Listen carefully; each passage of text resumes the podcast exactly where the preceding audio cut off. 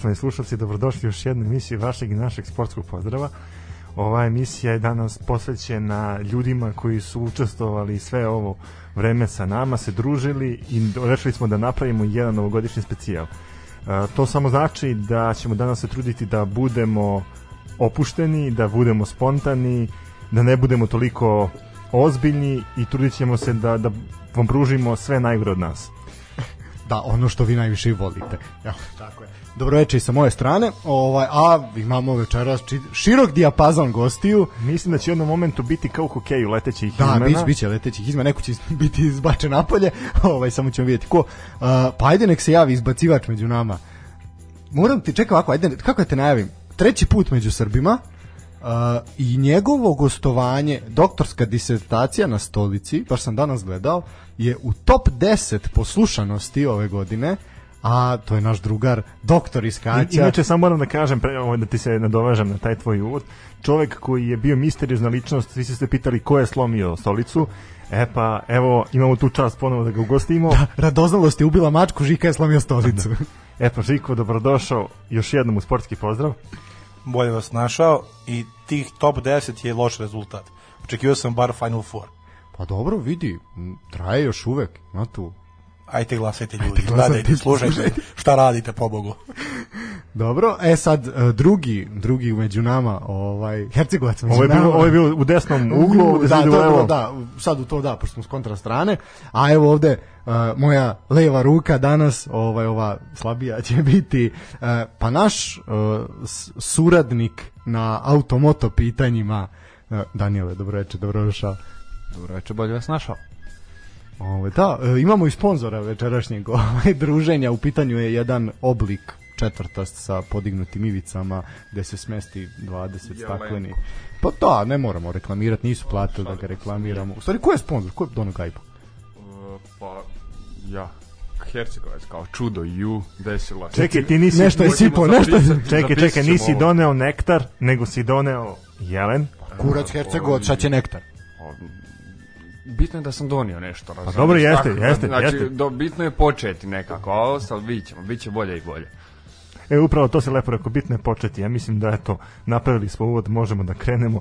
Imamo dosta neinteresantnih uh, sportskih dešavanja. Pa ne samo sportskih, pričat ćemo onako naširoko o ovoj godini, pošto smo znali ovaj, ti ja Pa da... za, zato kažem, neko neinteresantnih. Da, ovaj, znali smo da m, ono kad nismo imali sporta pa smo pričali o nekim kulturno-umetničkim dešavanjima, filmovima, serijama i tako dalje. Ovaj, E, pa tamo eto i Daniel je sa tom radio na Exitu. Sećamo se i toga. Bila su teška jutra. Pogotovo kada se vratiš u 5-6 ujutro, ali dobro, eto, vi ste uspeli da... reći da je to jedno iskustvo koje ćemo razmisliti, da ćemo ponoviti. Jel se stavlja u CV? Hoćemo, hoćemo sigurno. Jel se stavlja u CV to iskustvo? Uh, da, normalno. To Kao je, lumpovanje na spavaš- 5-6 ujutro. Spavaš dva sata, radiš dva posla i bilo je jako zanimljivo. Gomila ljudi, gomila svega, tako da. To je dobro. Pa Daniel se toliko svidelo da je i sinoć došao u 6 ujutru kući i sve na posao. Ne, on vežba za narednu sezonu. Ja nastavljam, ja se trudim da, da, da nastavljam i dalje taj tempo da, da održavam tako da Dobro, treba trenirati. pa tvoj trening se isplati nakon nekog vremena. Pogotovo ovi sad zimski, zimski Murni dan, termini da, idu, to evo. sve, Da, pa da. moramo da pohvalimo da smo prošli utorak igrali futbal i eto mi imamo i čak trofej, jel tako Žiko? Naravno, pošto očekivano najbolji igrač trofej ide u moje ruke. I s- Uh, svi koji su videli sliku Žike sa trofejem, svi su rekli i otkud to da smo redaru dali ovaj, dali trofej. to su sportski neznalci. Verovatno. Zato si ti ovaj sportski znac, ja ti iskreno čestitam. U suštini dobra predstava je bila sportska. Uh, jako onako krvavi smo se vratili iz tog boja. Malo više, da. Ma, Nije, baš bilo, je, se, bilo je povređenih, uh, otprilike Ima i preminulih. pa ni, nema preminulih. Nema preminulih, ima povređenih, Biće sledeći utorak kad bude revanš. ima povređenih, ali povređeni su na strani medical staffa. dobro, dobro, ovo je dobro rečeno. Ovaj, u suštini da, uh, bilo je zanimljivo, eto, ovaj, tim SSSR-a i domaćih izdajnika, steljinista i beovaca, kako su nas nazvali, je pružio solidan otpor ovim domaćim neznalcima i u suštini pokazao ko je stariji brat. Jel? I dobro je što smo svi imali brkove u ekipi, to je, to je poprilično ovaj, da, zanimljivo. A je, ono, to je to. I naše pojačanje iz Rusije, Aršavin popularni, Timofejev, je dobio veliku povredu. pojačavi, da. da, svi smo završili s povredama. Ono, imamo doktora Vratanića koji nije mogu da veže perle sutradan, kog su ga leđa bolela, ali dobro, sve to, sve to za ljude. Pazi, mogli ste da ga vratite u limenom kovčegu, tako da je dobro što je živ. Dobro je, dobro je. Sve je to super. U suštini nerešeno se završilo. Ovaj, a eto, posle na kraju utakmice je prekinut upad navijača, ovaj, ali dobro. I završeno je 2-2 u kao i svaki prijateljski meč. Tako je, namešteno. Gogo prvo, gogo drugo. da, namešteno što bi rekli. Ovaj, neko je na Tajlandu sumnjive uplate opet ovaj, I ima. na Novom Zelandu. I na Novom Zelandu. A ja predlažem da možda pustimo jednu pjesmicu ovaj, posle ovog uvoda, pa ćemo onda početi pričati malo ozbiljnije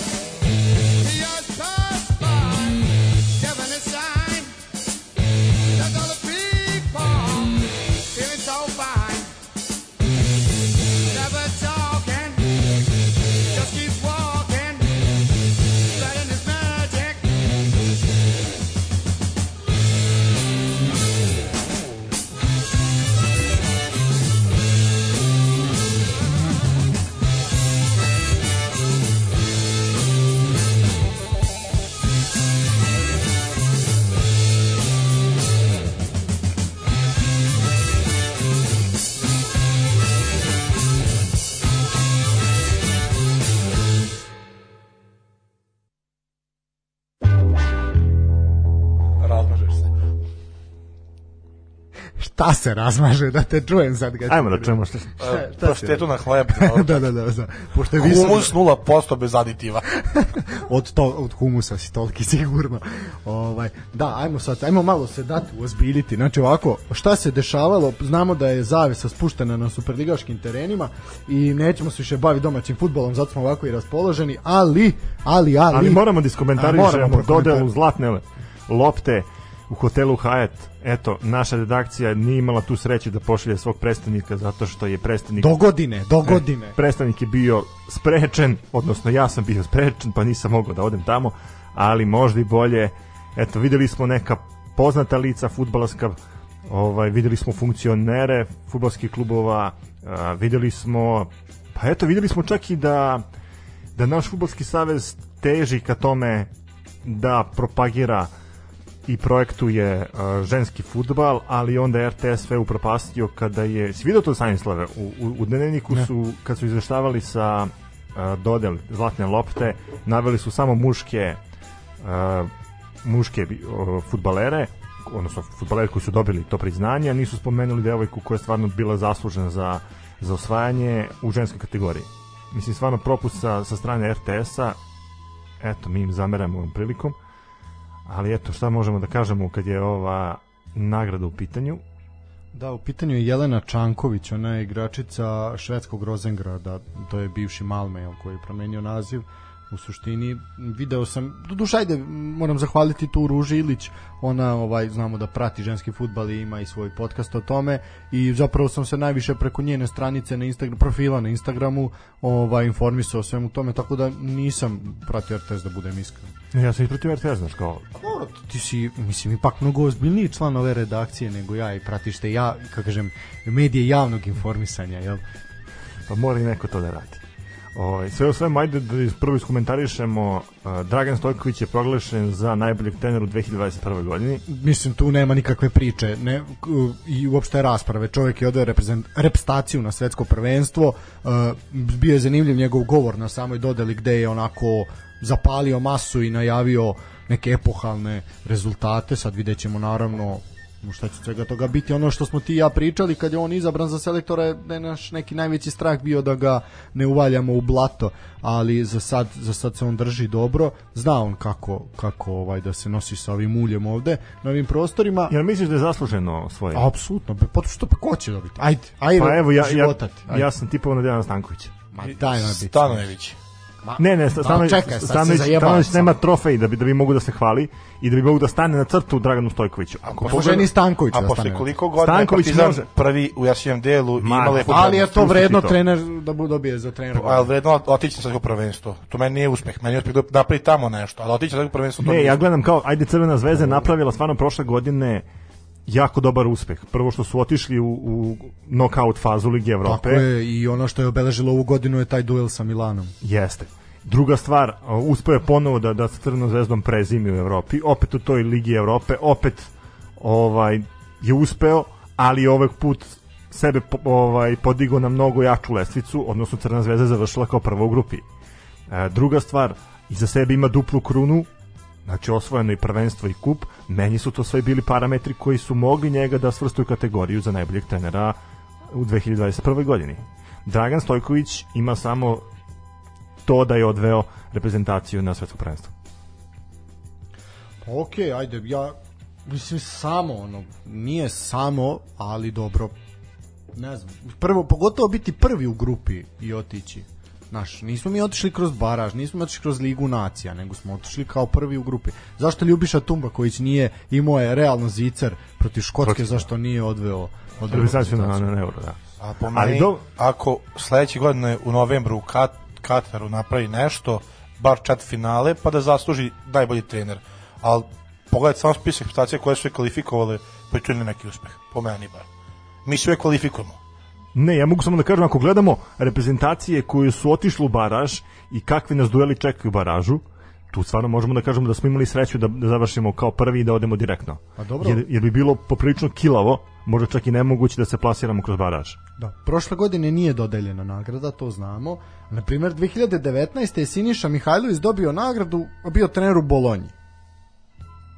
Mislim, šta je čovjek uradio s Bolonjom? Ništa. A to je više bilo zbog cijele situacije pobedio da u Kemiju. To je bilo posle, nemoj zajebavati. Te godine. Te godine je pobedio prvi put Leukemiju. 2009. 2019. Pa dobro, ajde, ako je tako kažeš. postao počasni Ali član vidi, grada pre toga, pre, pre, toga, pre toga dva puta Vladan Milojević, pa Dragan Stojković 2016. Veljko Paunović, Radovan Ćurčić, Ljubinko Drulović, sve selektori mlađih reprezentacija. U19, U21, U20. Pa sad više nemamo uspeh ni u tim mlađim selekcijama, pa ne može niko da se istakne. A pre toga Dragomir Okuka, Ivan Jovanović, Milovan Rajevac kao selektor Gane, pa Radomir Antić, isto otišao na svetsko prvenstvo, Slaviša Jokanović, Miroslav Đukić, Ljubiša Tumbaković i Ilija Petković. I te godine kad je Petković odveo reprezentaciju. Isto odveo reprezentaciju na svetsko prvenstvo. Vidiš šablon koji se ponavlja. Ali jeste šablon i tu se slažem sa tobom. Ali ako pogledamo neke rezultate koji su napravljeni tokom ove sezone, po meni je prednost trebao da, da bude, treba, trebalo da bude na strani Dena Stankovića. Pogotovo što još malo ćemo ko San Marino slaviti po bod u grupi i to nama uspeh. Kvalifikacije je bod. Drugi smo u grupi kvalifikacijama i slično. Po mene to Ne, sramota pa- sa ovim ekipom treba da, da bude normalno da se kvalifikujemo na svake, svako veliko takmičenje. Pa znaš kako, ja bi sad to gledao na neki drugi način. Mislim da reprezentacija treba da stvara kontinuitet odlaska na evropska ili na svetska prvenstva. Mi taj kontinuitet kad je u pitanju euro nemamo. Znači, poslednji put smo bili u Holandiji i Belgiji 2000 po meni bi možda mnogo veći uspeh bio sada da se plasiramo na naredno uh, evropsko prvenstvo u Francuskoj. Ček Kako? sad samo sekundu. Daniele, kada je tebi rođendan? 29. novembar Koje godine? 2000. Eto, znači imamo čovjeka koji je rođen ovde s nama priča u dva, znači u novembru 2000. godine, znači to je već bilo uveliko završeno evropsko Da, prvenstvo. već- znači već on ne pamti, da on ne pamti reprezentaciju na evropskom prvenstvu. O čemu mi pričamo? Kakvu kontinuitetu? Mislim, tako da Ok, a što se tiče igrača, ovaj Dušan Tadić je zasluženo uzeo nagradu. Tu tu mislim da ne- nema. ne vidim ko bi mogao Pa da da. Samo, samo da se vratim na prošlu temu, onda bi 2016. trebao da je Muslim. Ne, 2018. za Rusiju, Muslim je odveo reprezentaciju svetsko, on nije te godine bio najbolji trener. Po tome bi trebao i on. I on je radio uspeh. A, dobro, ali moraš uzeti u obzir da to nije samo nagrada za rezultat, nego je i nagrada za celokupan doprinos. Dragan Stojković Piksi je uradio mnoge stvari van toga što je uh, odveo reprezentaciju na E, tu na se svetsko. slažem, utišao i Acu Stojanovića. Mada sam je ja istina. utišao na stadionu Voždovca, preko je kolo. Znaš šta, isto obilazio popsovao. je klubove, e, posetio je skoro svaki stadion u, u Superligi. Mislim, naš onako kampanje, pa Topola, pa Surdulica, pa Niš, pa vamo, pa Beograd i tako dalje i tako dalje. To sve, pa u Novom Sadu bio. Znači, to sve utiče da se stvori neki imidž reprezentacije i da negde država ipak počne da navija društvo, aj ne država, počne da navija za svoju reprezentaciju. Muslin to nije radio. Muslin jeste imao neki taj rezultat, mada se igra pod Muslinom i pod Stojkovićem totalno razlikuje. Ja se izvinjam, ali Slobodno, iskreno mislim i da budemo u osmi grupi, narod će voleti tu reprezentaciju. Te priče ne, ne voli, pa- Neće, mislim neće. Na, Mislim, pogledaj interesovanje za utakmice reprezentacije Evo, pogledaj, sada. Evo. protiv Katra, koliko je bilo na Marakani? Ako izbrojimo redare, bilo je 46 Ok, e, e, bravo, odlično, to jeste, Ne, to lepo, se slažem, lepo, da, lepo. da, da, ali red, mislim, to je opet prijateljska utakmica. Uh, ono što je bitna je utakmica u Portugalu. Koliko naših ljudi je bilo u Lisabonu? Koliko je bilo njih iz Srbije, a koliko je bilo sa strane. Bilo je dosta iz Srbije, nekoliko aviona je otišlo odavde. Pa jes, ali tako je bila i Zvezda u Salzburgu imala više desetine hiljad navija, mislim, Imala više 10, od 15, po- više od 20 pola više stadiona, nego- da. da. Tako da to su više ljudi iz dijaspore nego što su naši. Pa dobro, ali opet i oni pokazuju zainteresovan za reprezentaciju, razumeš? I to je bitno. A to je bilo svakako, kogod je trener.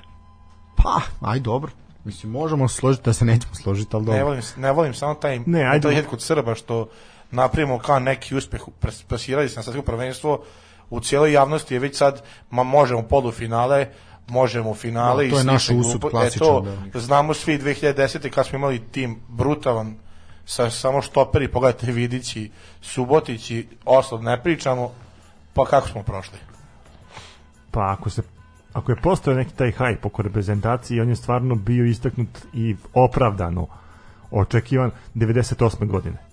E, A, apsolutno, da, da. Pa, i- i posle, posle toga meni, meni svaka naredna selekcija koja je uspela da se plasira na svetsko prvenstvo nije ništa posebno uradila. Pritom, imali smo tu situaciju da si ti stvarno te 98. imao jaku reprezentaciju. Imao si eto tog Dragana Stojkovića, imao si Sinišu Mihajlovića, imao si Mijatovića, Savićevića, ozbiljna futbalska imena. Po, imao si i. Đukića i Slavišu Da, a Jokanovića, dobro, to samo su sve priča, bili pričamo ozbiljni to, o tome da si ti imao igrače koji su bili u top 10 igrača Evrope. Tako je, tako Znači. Stavićevića sigurno može da staviš u top 10 Po i igrača. Mijata u to periodu. I Piksija isto. Mi sad imamo tu situaciju da mi nemamo top 10 igrače, ali da možda kao kolektiv možemo da napravimo Nemamo neki rezultat. ni top 50 igrača. Ne, da, da. To a- sad mi svi, čast Tome Mitroviću je svemu najbolji strelci u istoriji sve, ali realno njegove epizode u premijer ligi dva gola na 30 mečeva i to, to meni nije neki vrhovski špic. Svaka čast za championship i sve, ali da, dok se ne dokaže u nekoj ozbiljnijoj ligi, to je meni... Ne, dobro, to pričamo za klubski futbal, ali gledamo reprezentativni, u reprezentativnom futbalu Mitrović se jeste dokazao, ali kad pogledaš Mitrovića koji eto nije na nekoj mapi top napadača, A kako tu- može biti top napadač igra u čempionšipu? Pa da upravo to. Znaš kao, a nama je Mitrović prvi napadač. Ali, ajde, sad imamo Vlahovića koji ima potencijal, imamo i Luku I Jovića. biće veći, biće ali imao je veći, on, imao je Mitrović, da se ne lažemo, i sreće, jer mu prethodnih pet godina nije imao adekvatnu zamenu. Bio mu je, ja ne znam, ko E, ovo, ovo je istina, ovo je tačno, I on je ovo je morao da igra tačno. svaki meč 10 minuta, pa evo ja ovako sa 140 kila da šutnem 10 puta po meču, pa daću jedan gol. Ne, okej, da, mislim čovjek je čamio sam u napadu, razumeš, i ono šta uradi, uradi. Koliko svi mu njega- je trebalo? I svi njega gađaju Tadić, svi, šta radiš gađa Kad Mitrovića, igraš sa jednim napadačem, šta da radiš nek da ga gađaš, To mislim. da, kad je on, na primer, ne znam, ko Vlahović sad u Fiorentini ili nešto slično uzeo loptu, prešao dva Dobro, igrača, Žiko, ali to nije takav tip igrača. pa da, ali mi se uzdamo u tog Mitrovića. Pa uzdaš se, jebi ga ono što imaš, A mislim. zaboravljamo da će on sledeće godine igrati premijer ligu, da će opet doći forma ono od prošle godine kada je dao dva gola na, na 38. Pa zato što on realno nije ig- prvo ne može Ja s iskreno- Fulamom da igra premier ligu, ali vreme mu je da promeni Ja, sredinu, ja iskreno mislim. Mitrovića uopšte ne vidim kao prvog napadača. Pa Vlahović će ga nadjebati sigurno. Pa meni je Luka Jović bolji, samo nema minutažu.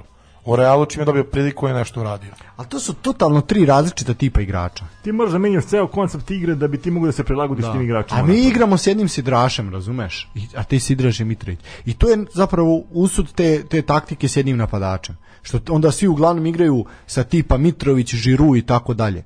A kad bi ubacio i njega i Vlahovića, a da im Jović bude zamena, onda ti imaš ozbiljan napadački duo. Dobro, da sumiramo, ovaj, ja mislim konkretno, eto, a kad je naša reprezentacija u pitanju, svaki prolazak grupe bio bi veliki uspeh. Apsolutno, bez, bez E, a posle, ovaj, ono šta uradimo, uradimo, nokaut je faza, pa onda vidjet ćemo. E, Ovaj, Da, možemo na izbor igrača. Dušan Tadić je dobio ovaj dobio tu uh, laskavu titulu da je najbolji najbolji fudbaler za 2021. godinu. Uh, ono što je pardon, ono što je bitno za napomenuti da isto kao rekli smo prošle godine nije bilo ovaj dodele, a Dušan Tadić je i 2019. izabran za najboljeg igrača. No, definitivno ove sezone je pokidao u Ajaxu. Pritom mislim da je obo, oborio Ma da, rekord Lionela Messi, tako imao Da. 39 asistencija po, po sezoni. Tako je, zaista. Tako nema da. šta, maestralna, maestralna sezona. E, pre njega, na primjer, 2018. je bio Aleksandar Mitrović najbolji igrač, a pre toga Vladimir Stojković 2017. u Partizanu. Žiko, molim te komentar na to. Nema komentar. Hoćemo vidjeti Vladimira Stojkovića ponovo sad kad se vrati iz Saudijske Arabije. sa 36 godina. Pa hoće, pošto je on kao u, Zvezdi Korvan i Milijaš, u Partizanu Saša Ilić, Vladimir Stojković. Kad hoće, dođu, igraju i, i Lola Smiljanić. Njega smo E, zaboravili. e, što bi rekao, Smiljanic Lola ime mog idola. što bi rekao Saša Zdjela u nekom intervju, kaže, želimo Vladimiru Stojkoviću da odi da nam se ne vrati. E, a u to ime, kad smo kod Lole Smiljanića, Žiko, molim te, Tako je. Ovaj, aj sad, dalje pre toga opet Dušan Tadić. Znači, ovo je čak treći put da uzima treći put. Haha, stiglo pojačanje. U svakom smislu. dobro, dobro, ništa, ajde smestite se polako. Ovaj i bezbedno. Dakle, pre, pre njega smo rekli smo Vladimir Stojković, pa Dušan Tadić 2016. kao član Southamptona, 2015. i 14. Nemanja Matić, pa dva puta Branislav Ivanović 13. i 12. Kolarov Dejan Stanković, sadašnji trener Crvene zvezde, Miloš Krasić, naš sugrađan, Nemanja Vidić, Nikola Žigić, Dejan Stanković opet i Nemanja Vidić kao član Spartaka iz Moskve. Evo, Mićko nam je uleteo ovaj, u studio i mi ćemo sad pustiti jednu kratku, kratku pjesmicu da bi se on, da, iz naše bogate... Čim je, čim je, čim je, znači, čim sam mu ja lijeva ruka ili bilo kako Odmah kaže, se da, ubacuje, odmah se mora ubacuje. pjesmica, je, i je, to, to. Što bi rekli, iz naše bogate fonoteke. Uživajte, Mićko, sedaj.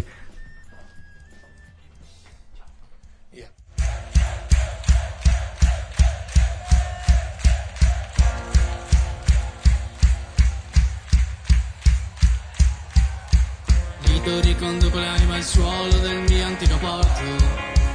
Tra invisibili note di un farbucone Rilassato al suono di legittimo canto distorto. Dall'esilio dell'immaginazione Ma che presente terribile mi hanno adottato. E dammi le risate che ne sto Lungo le strade di una saggezza dimenticata.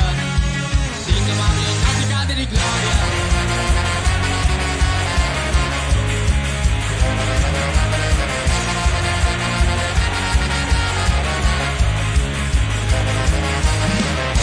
antichi scranni spolverata novella parvenza Arruolati da sciocchi predicatori nell'agonia di prestigiatori non c'è differenza. Tra le nuvole e l'illusione donatori di voti grappe ma di vita battute non c'è da Vedo scusa maestà di peli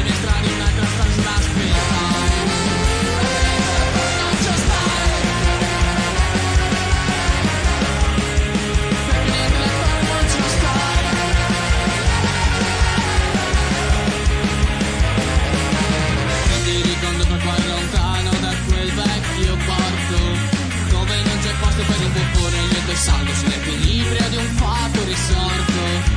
Ma lontano dall'illusione un segno mani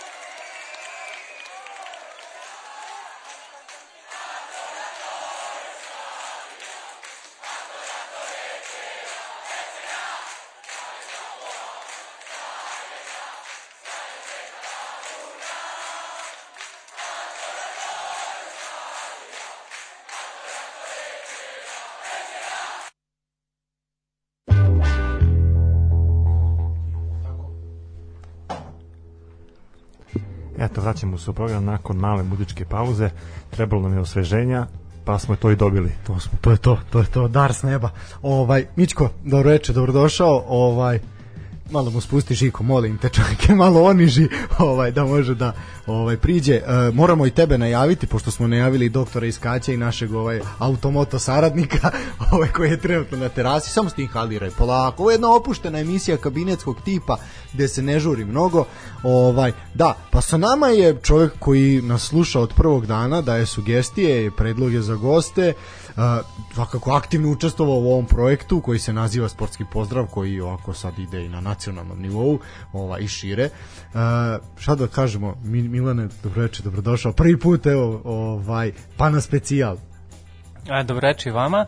A, moram prvo da na početku ovog našeg razgovora a, vam se zahvalim na pozivu i da kažem da a, ste originalni maksimalno. Da ste zanimljivi i da vam želim da takvi ostanete. Što se tiče programa, mislim da niko nema ništa slično ovaj kod nas što može da da ovaj prikaže odnosno da ovaj iznese u javnost da kažemo što se tiče tema i načina na koji to radite. Pa zato Tako što niko da- nema Svetozar. Apsolutno Pa ne mogu pozdrav. ni mi. A nemamo ga ni mi. Se ne lažemo. Po, pozdrav ovom prilikom, naravno i to zivanje, verovatno uživo na licu mesta trenutno negde. U Meridijanu, Ovaj, u. Meridijanu, dobro, tamo se slušamo takođe trenutno, pa ovaj, čuće ove naše pozdrave. Uh, Manč Melo ga čeka kad bude u prilici. Čekaj, Ovaj. veruješ da mu još uvijek nisam dao poklon za, za rođendan? Kad mu bio rođendan? U oktobru. 20. novembra. novembra, eto još uvijek eto gotovo mesec dana nije dobio poklon. Čekate Svetozar još uvijek, još malo te čeka, onda ću ga ja preuzeti ako ne bude Ništa da biće ovaj dupli poklon E, za Miki, da sledeći rođendan ako se ne pojavi ovaj umeđu Miki, vremenu. posebno ti se zahvalimo. Ovaj, obično znamo da se u goste ne dolazi praznih ruku, ali eto, tvoje ruke su bile baš pune, imao si dve, tri kese, svaka čast, eto, Dobro, moram tra, da... tradiciju moramo da ispoštujemo, tako da ovaj, nadam se samo da sam potrefio što se tiče. E, Sve, sve o svemu, mislim da u frižideru imamo negde oko 80 piva, a? Evo sad će Daniel da proveri. da, da izbrojim. Ja, ja sam cifru zadužen da nam- ovde za, za... Ti si zadužen za statistiku i pa, logistiku. pa da. Catering, za catering. Da, da. Ima, uglavnom ima. To. Svakako mislim da će i posle spuštanja reglera ova emisija nastaviti da traje do kasnu noć. Da, imamo toliko alkohola da možemo obarati Guinnessov rekord u dužini emisije koji mislim da iznosi negde oko 36 sati je trajao jedan podcast. To je Guinnessov rekord. Ljudi su u kontinuitetu pričali 36 sati, naravno smenjivali su se gosti, ovaj, ali su ali je emisija išla uživo u programu. Zašto si mi sad ovo rekao? Hoćemo obarati? Ja sam za. Pa ja mislim da možemo To, I to lagano. treba, kao naš ono, uh, 31. krenemo dnevnu žurku i do reprize.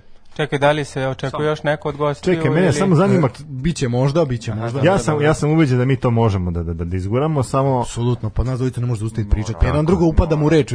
62 epizode. Dajte mi gajbu piva i pustite me. Dobro, ajde sad ovako. ne da može gajbe da ti potraje 36 sati. Brat, no, malo ti je, malo. Imajući u vidu da je ovde neko ovaj, od ponedeljka na godišnju, mislim da mu neće biti problem ovaj, da ostane ovde do daljnjeg, koliko god bude trebalo. To samo pokazuje koliko ja volim da budem ovdje. Ovaj, A s tim da ja radim tek od tri upravljaka. O ja, to je to, to je to, Gini se zovemo te. Uh, ajde Mićo, kratko samo tvoj komentar na ovu priču o dodelama zlatnih lopte Futbolskog saveza Srbije.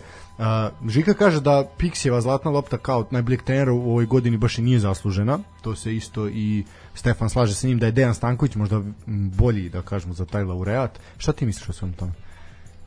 Pa složio bih se sa vašim mišljenjem, s tim što mislim da je Pixi nagradu dobio isključivo na osnovu plasmana na svetsko prvenstvo, odnosno da je to bio najveći razlog ovaj, ovogodišnje nagrade jel, koja je otišla u njegove ruke. A što se tiče Dekija, šta reći? Znam da su ovde mišljenja podeljena. Znam da postoje navijači različitih klubova trenutno prisutni za mi smo, stolom. mi smo ovaj, pre, pre svega objektivni. Ok, znači Apsolutno Dejan je, se slažem da ste objektivni, to je ono što je naj, naj ovaj, zanimljivije. Znači, De, Deki ima titulu, znači ima trofeje, ima prezimio u Evropi, ima taj duel sa Milanom koji je obeležio u, go, u godinu za nama, e, ima ponovo novo proleće u Evropi, znači u Ligi Evrope na, sa jednom vrlo nezgodnom grupom, mora se priznati, čini se da je grupa ovaj put bila teža nego prošle godine, je tako? Da, slažem se apsolutno. Znači, i sad, ok, ali Pixi je Pixi, ipak je odveo reprezentaciju na jedan efikasan način. Žika je uporedio sa Muslinom, na primjer. Muslin je ipak nekako, je to prošlo ispod radara, nije bilo toliko euforije. Pa da, upravo si potpuno, s tim što uh, mislim da se i atmosfera oko same reprezentacije od ovaj, postavljanja Pixija za selektora malo izmenila, uh, što među igračima, što među ljubiteljima futbala, da ih tako nazovem, koji su ovaj, uh, ponovo počeli da prate reprezentaciju i naravno prvenstveno uh, plasmanom, odnosno rezultatima koje je ostvario i plasmanom na svetsko prvenstvo. Ne može se reći da je nezasluženo, ali recimo da možemo da kažemo da je konkurencija u prošloj godini bila onako 50-50 što se tiče glasova u, kada, je, kada je u pitanju izbor za najboljeg trenera u prošloj godini, odnosno A, u ovoj tekućoj. Pa da, tekuće. A kaži mi, mislim, to smo jednoglasni da je Dušan Tadić zasluženo dobio nagradu. Bez dileme, Tu nema nikakve priče, niti bilo ko mogao da priđe ni blizu. bez dileme. Majstor futbala, šta dalje reći. Ono što je bitno napomenuti, ajde, kada je ta priča o reprezentaciji, da zaokružimo tu priču za ovu godinu, uh, Aleksandar Mitrović je oborio rekord po broju golova, jel? Znači nije to rekord, nego je on zaseo na prvo mesto naj, liste strelaca, jel? Da, Prestigao definitivno je- najbolji u istoriji. Uh, prestigao je Sao Miloševića i Stjepana Bobeka i ostale zaista mm, legende ovaj, i videlo se kroz one suze koliko mu je to značilo. Nažalost nije postigao taj penal protiv ovaj Škota koji bi nas odveo na evropsko prvenstvo, ali mu se sada eto to vratilo ovaj u Lisabonu i mislim da ovaj gol mnogo značajniji nego nego taj protiv Škotske. No Elem, njemu zaista svaka čast i nadamo se, mislim ono što mu i, i Duća Tadić poželeo, a to je da je, mislim da mu je vreme da pređe u veću sredinu. Pa definitivno mislim da je prerastao ekipu Fulama, ovaj, imajući u vidu jel, partije koje pruža tamo, takođe i rang takmičenja u kome se ekipa za koju trenutno igra nalazi. E sad, da li će preći u neki drugi klub? Mislim da neće. Mislim da su uslovi i ambijent trenutno u klubu kome nastupa ti koji njega i dalje drže u, u Londonu, odnosno jel, u ekipi Fulama, a ne u, u nekom drugom londonskom klubu. Mislim da apsolutno kvalitetom koji posjeduje zaslužuje klub koji će biti u situaciji da se bori za trofeje, a ne da se bori za ulazak u viši rang takmičenja, ali dobro, reprezentativna karijera što se tiče njega, mislim da je već neko vreme unazad na, na zavidnom nivou. E, bez obzira u kakvoj formi igra za klub, što se tiče reprezentacije, apsolutno uvek je tu i taj penal protiv Škotske.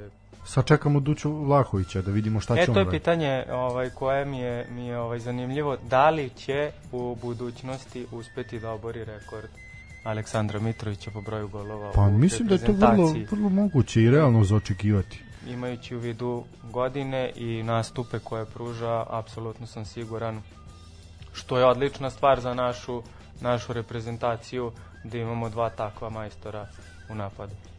Po meni je više treba da se uradi statistika koliko je minuta po golu između Vlahovića u reprezentaciji i Mitrovića. Mnogo manje, sigurno mnogo manje Vlahović je igrao da- Kome manje? Manje minuta treba Vlahoviću Da, to što Mitrović je, ono kao što smo bili pomenuli, 4-5 godina igrao sam, nije imao drugog špica. Bio glavni špic je bio Milan Pavko koji nije ni pozivan u reprezentaciji, ali nismo imali špica 5 godina. nismo imali 5 godina, nismo imali špica sve Mitrovića. Čekaj sad, ti svestan da ćete sad Begečani doći na lupat? Ajde ovako prvo, ti svestan toga? ja moram samo da kažem da po saldu Dušan Vlahović trenutno ima 7 pogotka za našu reprezentaciju. A koliko ima, koliko ima utakmica? E, e sad, to je... hm, E, to je, to je pitanje. Uđi, možeš, no, vrlo relevantan izvor Wikipedija, šta piše koliko utakmica. odigrao. Ne, čovjek nema toliki. Mislim, on jeste pozivan puno puta. Vi morate uzeti u obzir da je čovjek već 7-8 godina na sceni. On je kao vrlo mlad igrač ovaj ušao u prvo seniorski tim Partizana, zatim bez puno odigranih utakmica otišao napolje. Znači on je već sa 17-18 godina ovaj Evo, samo podatak, reci, reci. 14 mečeva za selekciju, 7 golova. to je to. A i ti 14 mečeva nijedan je igrao skoro 90 minuta. Nikad nije igrao 90 A minuta. Mitrović je, jedno, brat bratu, 50 mečeva igrao 90 minuta. Pa koliko je trebalo Mitroviću da postigne prvi gol? Sećaš se toli, toga? Pa moje malo dete je prohodalo u to vreme. Da li, e može, ovo je pitanje sa kviza, inače e, pozivamo sve na pub kviz u Novom Sadu za e, novogodišnju proslavu, jel to je negde tamo u subotu, zapratite pubquiz.ns ovaj, na Instagramu, pa pogledajte kad su i imate, kad su ovaj termini i imate pitanje iz sporta, naravno iz naše emisije, tako ko, ko nas sluša može da osvoji nagrade. Pitanje je, da li se sećate protiv koje reprezentacije je Mitrović postigao prvi gol za reprezentaciju? Samo ću reći, bilo je u Beogradu i jedan krvoločan start je obeležio tu utakmicu. Protiv Hrvata. da, da, da, da. Tako je, to je, to je to. U tom, to mislim da to vreme bio 1-1, je li tako? Jedan, jedan, jedan jedan. kada je Duš Imunić. Josh Imović startovo krvnički na Sulemanija i to nije bio start na loptu, nego da ga ubije. Što bi rekao Laca informacija. Da, ovaj, zaista udar na srpski narod kao takav, da.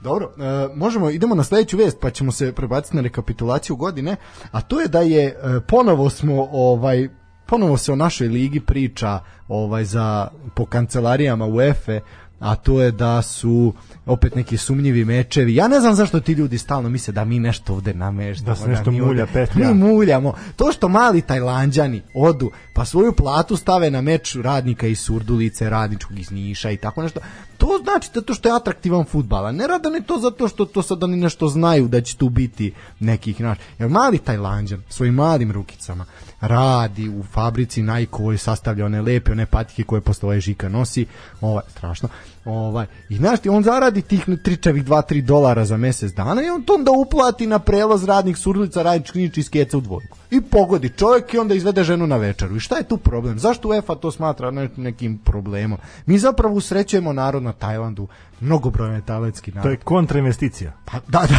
da, definitivno.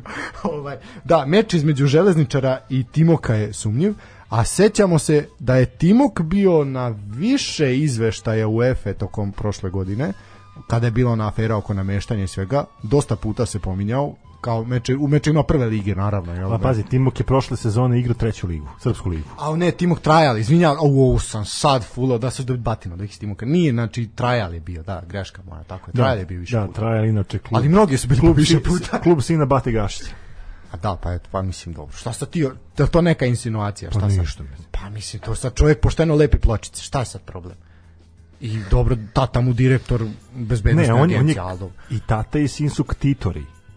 A to i to je istina, to. pa, pa to vidiš kulturno umetničke duše vozdižu ovaj narod, a mi sad tu nešto UEFA neka tu sad smatra mi nešto nameštamo. Prvo, ko, ko živi gleda železničar Timok, to je gledalo 20 ljudi sa sve redarima i ovim što cepkaju karte i ovim što predaju semenke. 18 da si strikovi. Eto, eto, vidiš.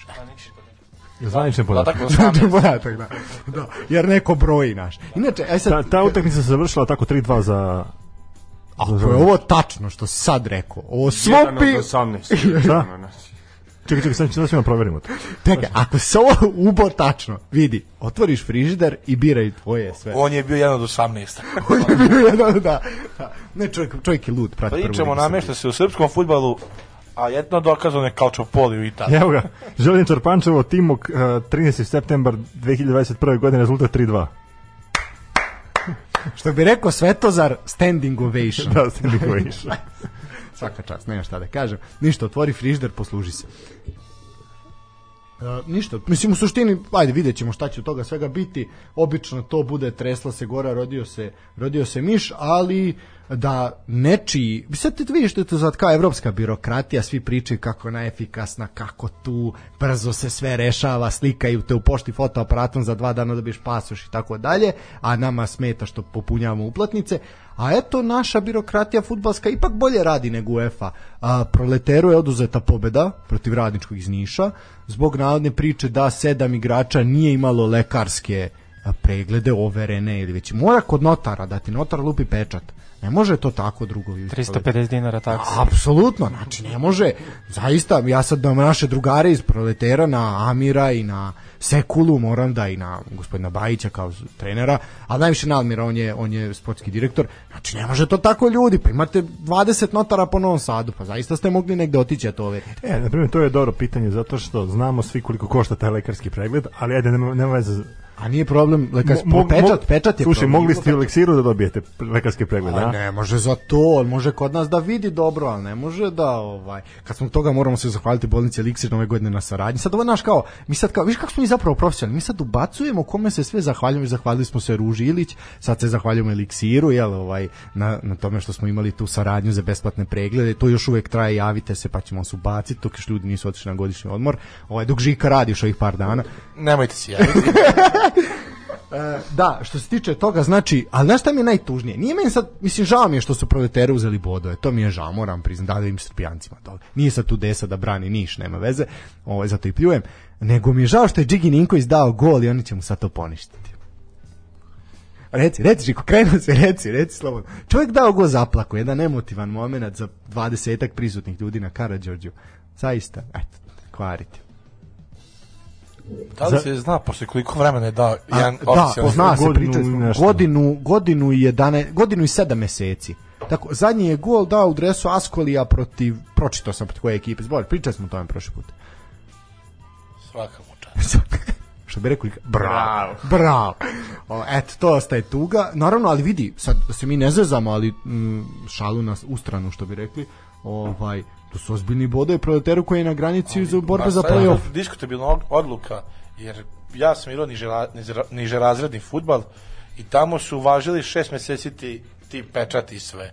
Znači, kako je to u proleteru sve sezone prestali da važe pečati ili gde su bili- ti pečati prethodnih 12 kola. Ali pazi, proletar igra Super ligu, ti si igrao niže razne ligu. Ali svuda važi šest meseci, Ali svuda važi. da, šest meseci važe. Pregledi.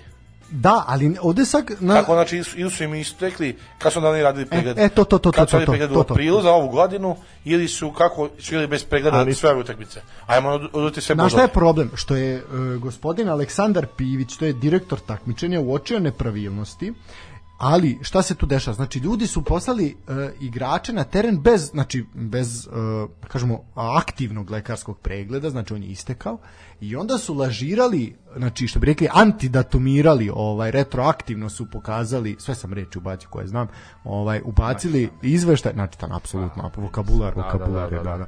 Ovaj, I onda su, znači, lažirali još izveštaje.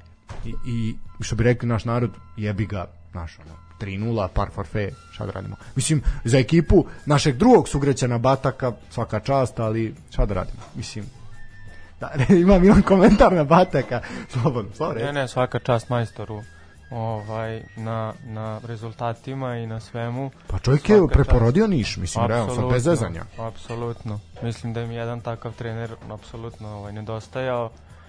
Očigledno da je napravio ovaj promene u ekipi. E sad, mene više ovako zanima ova novosadska priča ove utakmice, odnosno ekipe proletera, Pa kako je moguće Bajića, i kako je uopšte došlo do toga da e, klub dozvoli takav kik. A sećaš se, aj sad pričamo o proleteru, koji je realno, ok, superligaš, stabilan, sve to, to, a znači u top 20 klubova u Srbiji. Uh, Partizanu se to desilo. Se sećamo pre koju godinu da smo imali ovaj, isto skandal oko toga Dušanu Vlahoviću, baš mislim da je upravo lekarski pregled bio problematičan, pa se preko toga prešlo da Jeste, nije ovo prvi put u, u našoj ligi da se dešava ovakva situacija i prosto mi je neobjašnjivo iz ugla e, kluba, bez obzira bio to Partizan, Proletar ili neki treći klub, da se takve stvari dešavaju i da se nekim klubovima to ponavlja. Da, to da, je isto praksa. zanimljiva tema. Mene samo zanima e, konstatacija da su ovaj drugi put da Radnik dobija proletar sa službenim 3-0. Da, da, da, je. se da je bilo šest izmena ekipe proletera. Kako baš slučajno dve iste ekipe i uvek neka greška administracije i uvek tri boda baš za Radnički niš. A da li misliš da je to E već sad to, sad E, to je to su situacija, e sad to je situacija koja podgrijeva priče u našem futbalu da je neregularno, da postoje, znači da li je čista Nemoguće. amaterizam, da li je čista amaterizam, znači što bi rekli bol u prepunama, ili zaista ima nešto da smrdi. Gde ima, gde ima im vatre. Znači gde smrdi neko se i usro. Da. Otprilike, pa da. Dobro. E, Tako da- ovom pobedom je radnički izbio na četvrto mesto, to je bitno za napomenuti i zaista Batak u fantastičnoj seriji. E, a ja sad ovde gledam i moram nešto da prokomentarišem, iako ovo nije bilo u planu, izašle su kvote za duel Sparte iz Praga i Partizana. Sad rad, ti kao bivši uposlenik kladionice, ja ću ti ovo sad reći, znači 2.0, to je za prvu utakmicu u Pragu, 2.05 na Spartu, 3.50x, 3.90 dvojka. Sramota. Zašto? 1-6 Sparta. Znači poklon života. Poklon života, kuću, imaćete dve kuće i 21. I Ne prostoriju. Ne možete dve Imaćete kuće, dve imati, kuće i nus prostoriju. imat ćete Kućicu za 1,6 pse. kuća. Pa ne, Koliko? 2.05 da je. 2,05 je. 2.05 da. 2.05, On kaže da je da. realno 1.6. Kad je realno 1-6, znači imaćete dve kuće i nus prostoriju. Nus prostoriju. Kućicu za psara. ovaj, dobro. Sa igrom od ove godine i Sparta iz Praga i Partizana, realan rezultat, sve ispod 3-0 je U, pr u prvom meču ili ukupno? u prvom polovremenu. Au, dobro, E, ja da. kao, kao navijač Sparte koga moram da, 3:0? da, da izjavim nešto. Ajde, ajde. Ovako, pratio sam Spartu cele sezone, oni imaju poprilično dobar tim u odnosu na par zadnjih sezona imali su i jako težak put kroz kvalifikacije. Oni su počeli kvalifikacije za Ligu šampiona igrajući protiv Rapida, pa, pa ih je na kraju Monako izbacio i poslao u Ligu Evrope.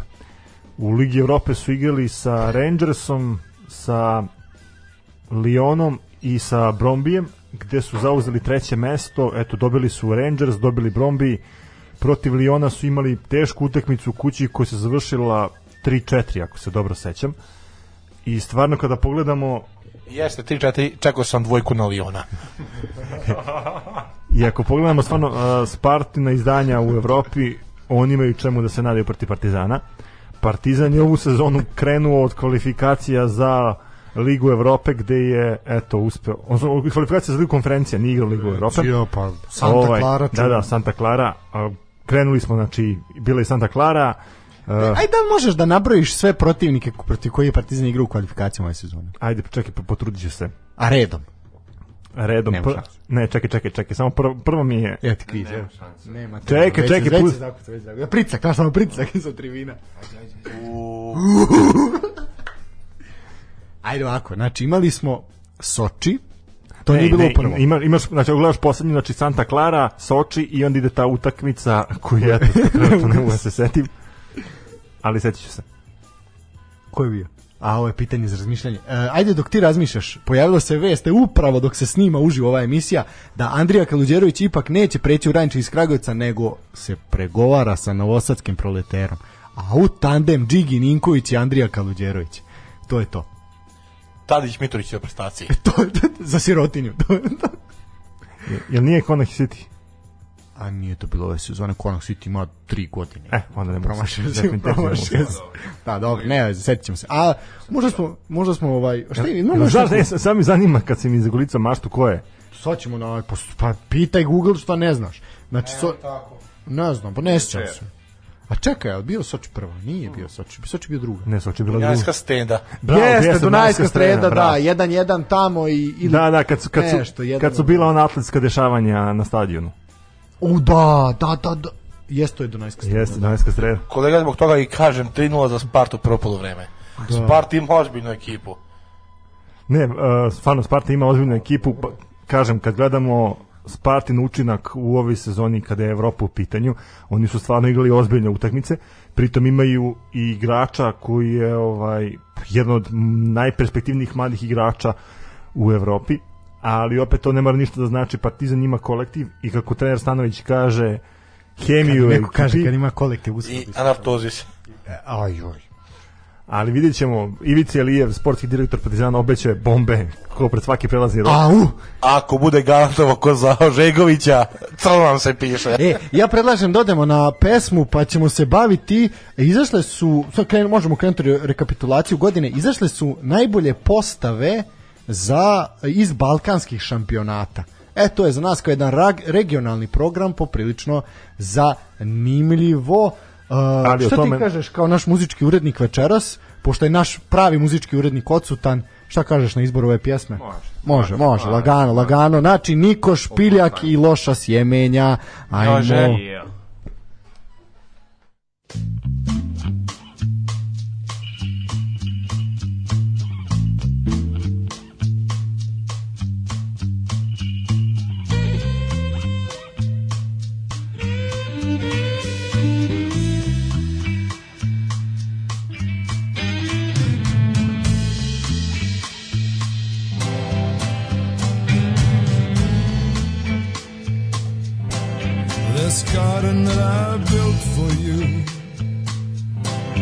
Just sitting now and here.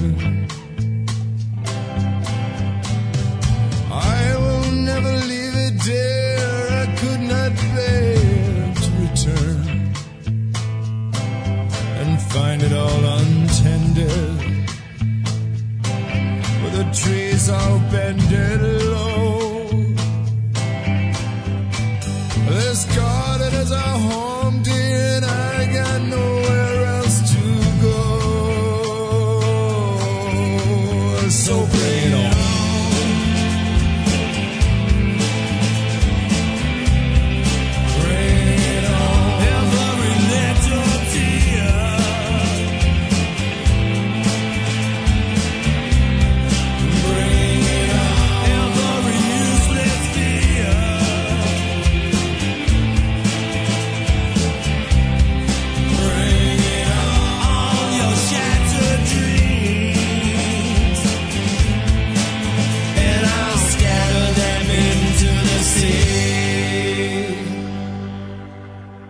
into the sea.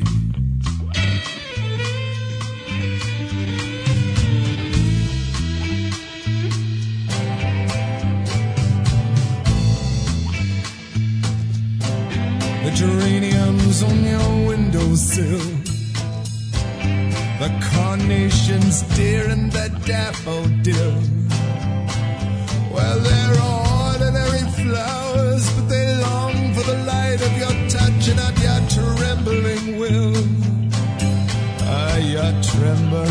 still.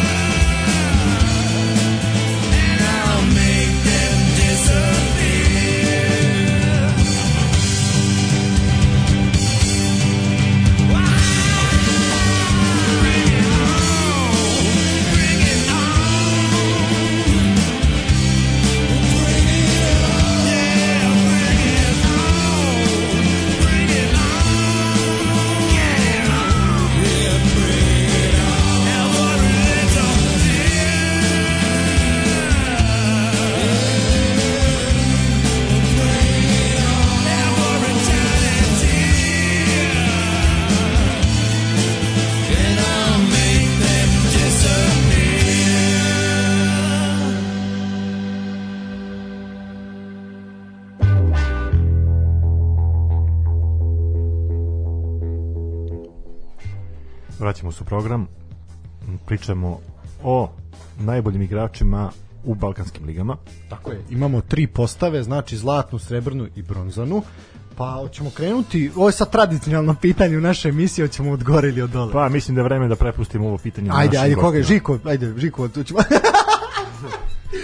Milane, hoćemo od gore ili od dole? Od, sredine. Od sredine. E, niko nikad nije rekao od sredine. Ne možeš, pa ne, ne možeš. Mi krenut ćemo od trećeg mesta, logično je da idemo Može. od trećeg mesta, da. Ovaj, znači, ovako ček da prebacim, evo nas, bronzana ekipa, ipak je bolje krenemo zlatne. Sad sam pročito koja idemo zlatne. Ovako, znači, krenut ćemo od golmana. Samo jedno pitanje pre nego što kreneš, izvini. Ovaj, e, čiji je to izbor? Odnosno, Evo ovako, ko je, može, koji je može. način glasanja Odlično, bio? odlično, Ili... bravo, bravo. A neko i ozbiljan. Kako smo došli do, do te tri, ovaj, ta tri tima, Znači, odnosno te tri ekipe? u pitanju je uh, svetska Znači, ako bi ovo znao da neka Starlight analiza, znači u pitanju su uh, južnoevropske lige u dosadašnjoj sezoni 2021-2022 uh, neki program, to je to je zapravo uh, kako to kažu, uh, nije logaritam, nego sam mi stao mozak. Kako se to kaže kad imaš jednačinu koja računa statistiku i analizu? Matematiku, tako. Matematiku. Ništa to, ništa Ne, u, to. u potrebi software, to je... Software, da, ali imaš jebote, kako se to zove, kako šta je u YouTube-u što ti preporučuje vide? A rekom, je to kao slagalica šest Pa, slova, to. nemam pojma da se reč da sastavim. Pa normalno. Pa u pitanju je zapravo aj veštačka inteligencija koja je uh, kao ono što Sofa Score što izračunava precizna dodavanja, indeksne poene i tako dalje. To je ono što Znači je statisti- pa statistički statistički parametri statistički koji su parametri, ušli u- da, ajde ono da našim rečnikom rečeno. Pa mislim vidi, mi nismo emisija koja se stručno bavi analizom sporta. Mi to birtijaški. Jel, tako drugarski pričamo. Normalno. Pa no, Pa da, pa da. Bolje tako. tako, tako. Seljački. Pa može, može. Nije seljački, pa nemojte. nije seljoberski više seljački. Da, to je to.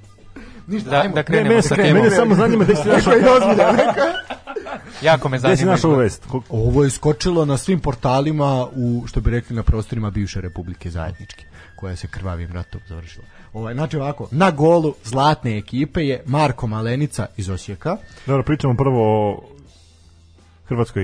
Ne, ne, su sve, Aha, brate, sve. sve, znači Južna Evropa, bivša država. Znači ovako bi sad izgledala idealna postava e, lige, ovaj prve jugoslovenske fudbalske lige recimo. Ovaj znači Marko Malenica na golu iz Osijeka, dobar izbor.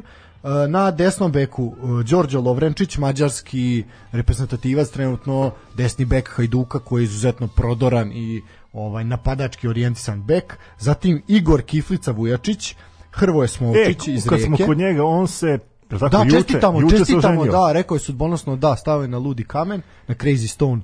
Ovaj, a levo je, e, da kažemo, najsvežije pojačanje Dinama, Pero Bočkaj iz Osijeka prešao u Dinamo, levi bek razornog udarca, čovjek koji kada stane da izvede slobodni udarac kao nekada Roberto Carlos, golmani se sami sklanjaju, vezni red Gaylor Kanga i Miloš Jojić. Evo da ću komentar. Sramota. Dobro, to je, Kanga nije najbolji igrač u Zvezdi na toj poziciji, a ne da bude u cijeloj XU. Tako da je to baš sramota. O Zeki Jajiću, nećemo, nećemo. Nećemo. Divno je što si digo ruku koji on kad izvodi. Da, za to je njega to. i Njegoš Petrović igrači, da. Dobro, nije Petrić ozbiljan igrač, ali dobro. Pa za Zeku. ovaj, e, ofanzivni vezni Aleksandar Kataj. E sad, to Ne slažem se s tim, ove godine Mirko Ivanić mnogo više pokazuje nego Aleksandar Mirko. Ivanić je odigrao 40 utakmica u kontinuitetu ovaj za Zvezdu. I pokazuje tri put više nego Kataj. Ali ne može bez njega. Ne može sam. Oni su ipak, ipak mora biti, znači kad funkcionišu Ben, Kataj i Ivanić zajedno, Zvezda liči na nešto. Kad njih To nema, jeste, da, ali onda kako staviti Kataja bez njih dvojice? možda će se Ivanić naći u, u drugoj ekipi. Mislim, naš, ako se igra u formaciji, ovde, znaš, uvijek je nezgodno praviti te formacije i te sastave. I meni- Znači, 4, 4, 2, 3, 1, znaš, ako imaš samo jednog ofanzivnog veznog, gde ćeš staviti Ivanića onda i Kataja? Ne možeš obojicu jebi ga.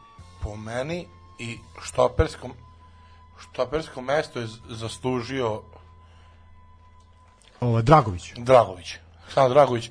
Pa možda čak i pre Vujačića. Odigrao je Ligu Evrope na nivou igara iz Leverkusena ili popularnih farmaceuta. Tako da po Samo meni, izvinjam, Daniel je upravo uzeo kesu čipsa i otišao od nas. ovaj, po meni je to jedna od dve greške, pored Kataja. Kataj ove godine igra jako bledo. Pa dobro, imao je problem sa povredom i sa Pa dobro, umorom, da. ok, sve povrede i sve, ali to nije Kataj bio što, što je bio. Nastavimo dalje. Nastavimo dalje. Levo krilo, Quincy Menig. Ajde Čovjek, ovako. čovjek po, ušao u ozbiljnu formu. Jeste ušao u ozbiljnu formu, ali da pogledamo broj utakmica koje je on odigrao ove sezone. Za Partizan nekako mi se čini da Odigrao je 14 i vamo 20 utakmica. pa dobro, ok, onda može da uđe u kategoriju. Što, odigrao je polusezonu. Ali zadnjih pet utakmica ih pokazuje svoj kvalitet. Pa da, prvih, prve tri Luta je je dok pokazao. prve tri i zadnjih prve pet. tri i zadnjih pet. Da, dok na, ima neki taj kao pad forme ili šta već, tako da po Pa meni malo, da, možda je zasluženo ili nema konkurenciju baš neku veliku. U stvari Mislav Voršić. Pa da, pravo si. Ali Mislav Voršić ove po, znači pazi, mi sad pričamo, ne pričamo o godini, mi pričamo o ovoj sezoni je odigrao Ligu, Ligu Evrope, je Pa. Mislav Voršić igra odlično. Hm, jeste prošlu sezonu, ovu baš Ovo je, iškipao. znaju čekićari iz Londona. Da, odigrao je jednu utakmicu, u tome jeste problem što je Dinamo poprilično, čak ni u, ni u idealnim postama hrvatskog uh, prvenstva futbalskog ima svega dva igrača iz Dinama. Što je mislim, zasluženo. I to Josip, Josip ovaj, Jedno još jedno ime se po, pominje Marko Livaja. u, to ćemo pričati o, o Njega Marka. ali on je napravio A čovjek najbolji igrač Lige ima Hrvatske. ima u što je popularne novine su rekle ima popularnost kao Maradona u Napolju, tako je Livaja u, u Splitu. Pa jeste, da. Čak se možda malo više. Kako se preziva? Aha, dobro. Apiš me zna. da, da. Nastavit ćemo dalje. E, Desno krilo Robert Murić iz Rijeke. Dobro. I napadač Ricardo Gomes iz Partizana. Zasluženo. Dobro. Idemo na Srebrnu. E, vidiš sad. Znači, Dominik Livaković na golu, kao golman Dinama, zasluženo. Dobro Treba je biti u zlatnom timu, ali dobro. Malenica ima bolju statistiku, ali dobro. Uh, evo ovako, desni bek Ivan Tomečak iz Rijeke, zasluženo. E, evo ti Dragovića. Znači Dragović, Dino Perić iz Dinama i Milan Rodić na levom beku. Rodić u D timu ne bi bio, da se ja pitam. Dobro. Uh, Josip Mišić, uh, evi sad, Josip Mišić u izboru uh, tribine.hr kao uh, sajte koji se bavi telesporta i tako dalje, to su sajte koji se bave stručnom analizom u njihovom futbalu. Josip Mišić je izabran u idealnu postavu prvenstva do sadašnjeg dela. Pored njega Li, Luka Ivanušec, kojem nije pozicija zadnjeg veznog primarna pozicija, nego čovjek igra krilo, ali dobro. Bibras Natho, ofanzivni vezni anemičan pa ušao u najbolju postavu. Levo Mirko Ivanić. Eto ti ga Ivanić. A gde je Marko? I desno El Fardu Ben. ne, ne, ne, ostaje ste bez I u napadu Marko Livaje. Kao, kao špica. Ništa, ne, bez, bez komentara, ne, ne ništa reći. Dobro.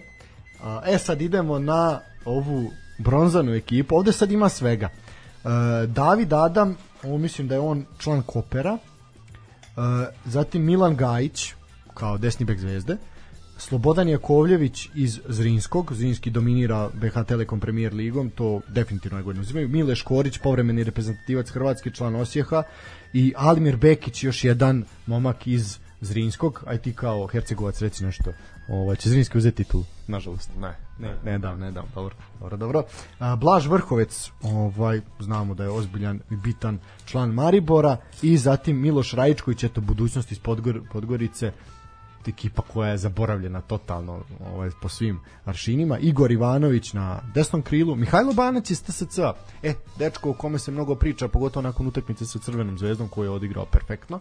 On je ofanzivni vezni, Maks Barišić levo krilo i Josip Drmić kao neko ko je najbolji strelac HNL-a ovaj, iz rijeke trenutno na prvom mestu. Čovjek zaista ima perfektan pogodak, znači sve, sve pretvara, svaku šansu u gol.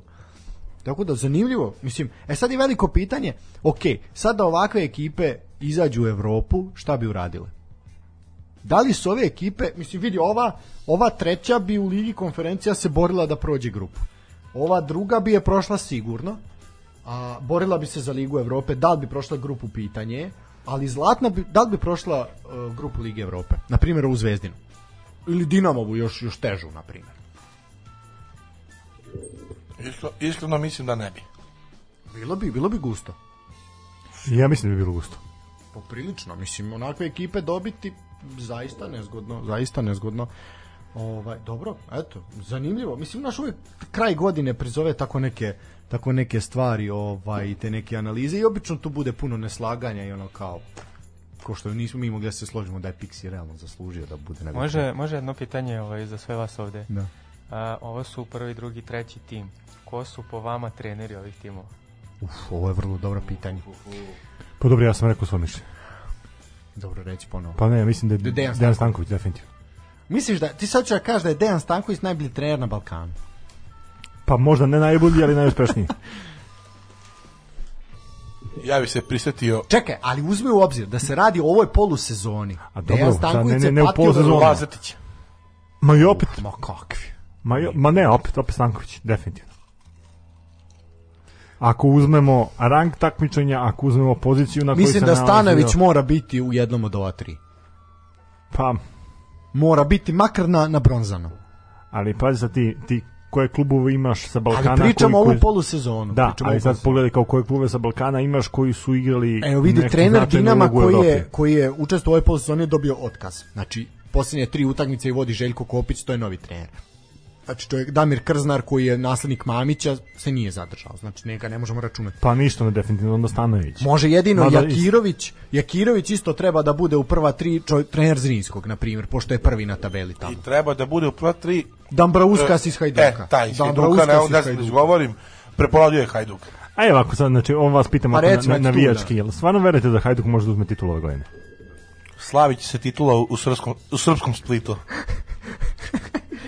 Stra, strašno, što bi rekli, srpsko move u Splitu. Ovaj, da, pa vidi sad, ajde mo- možemo pričati o regionalnim ligama.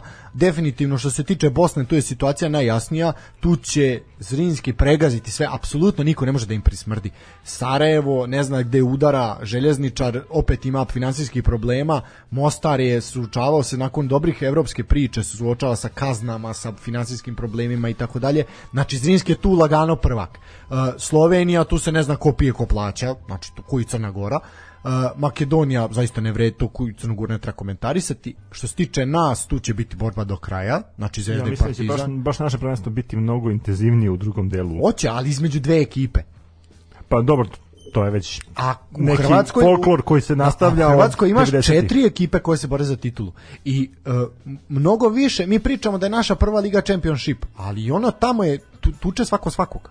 Znači ti si imao Dinamo koji je u 98. minutu dobio Istru. I to nakon neke rapsodije crnih kartona kog ludila I Splitu u psihodelija. 95. Rijeku. I to isto. I nakon isto nekih sudijskih odluka čudnih i tako dalje. Znači jednostavno i sudije su pod velikim pritiskom. Znači imaš Rijeku, Osijek, e, Hajduk i Dinamo. Dinamo se zaista Znači opet najviše- dolazimo u tu situaciju da su najinteresantnije, naiz, neizvesnije Što se tiče lige Balkana, da. Hrvatska i Srpska liga.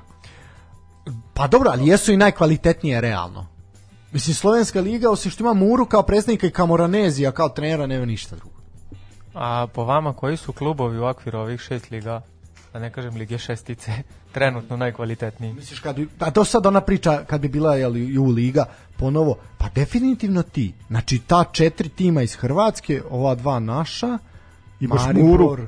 Maribor Mura, recimo, i imaš dole ta budućnost, mada bi ta budućnost bila realno sedma, ali mislim ono, Uz dužno poštovanje Muri i svim zaposlenim tamo u tom klubu. Oni ne mogu da igraju Srpsku ligu Vojvodina. U ovom, trenutno. Čekaj, oni su igrali Ljudi takmičenje. Tottenham. Uh, pobedili su Tottenham, svi znamo kakav je stav svih engleskih timova o Ligi Evrope, ne Ligi konferencije, tako da to nije merilo. Po meni, moje mišljenje je da bi ih borac šejkaša pobedio. Znaš Srpska Liga Vojvodine. poprilično zanimljivo pitanje, moram da, da priznam, ali ako pogledamo stvarno kakav bi bio uh, procenat, odnosno koliki bi broj klubova dolazio iz Srbije, Hrvatske, koliko bi dolazilo iz... Uh, Pa da, Maribor i Koper se tuku za, za prvo mesto u Sloveniji. Znači, Mura je peta trenutno. znaš, ti bi, mo, ti bi mogao možda da imaš u toj kao ex-U ligi, imao bi Muru, ali je pitanje šta bi Muru uradila i Ove kako bi se sezone ne bi ništa, prošle to, je da, nešto, da. to. Ali, znači, oni su kao napravili nešto u toj ligi konferencija, ali... Pa eto, imaju taj rezultat koji ne znaju ni kako su Žažika, ne znaju ni oni kako su to uradili, imali su, mislim imali su i dosta sreće da se mi ne lažemo, ovaj poštite u toj utakmici, ali eto, znači Maribor i Koper i Olimpija iz Ljubljane bi tu sigurno bili standardni, ovaj, da kažem prvoligaši. E sad po meni ko bi tu bio u ovom trenutnom momentu ne znam, ne mogu da kažem ko bi bio prvi. Prošle godine bi to bio Dinamo ubedljiv, pretprošle isto. Sad je to veliko pitanje.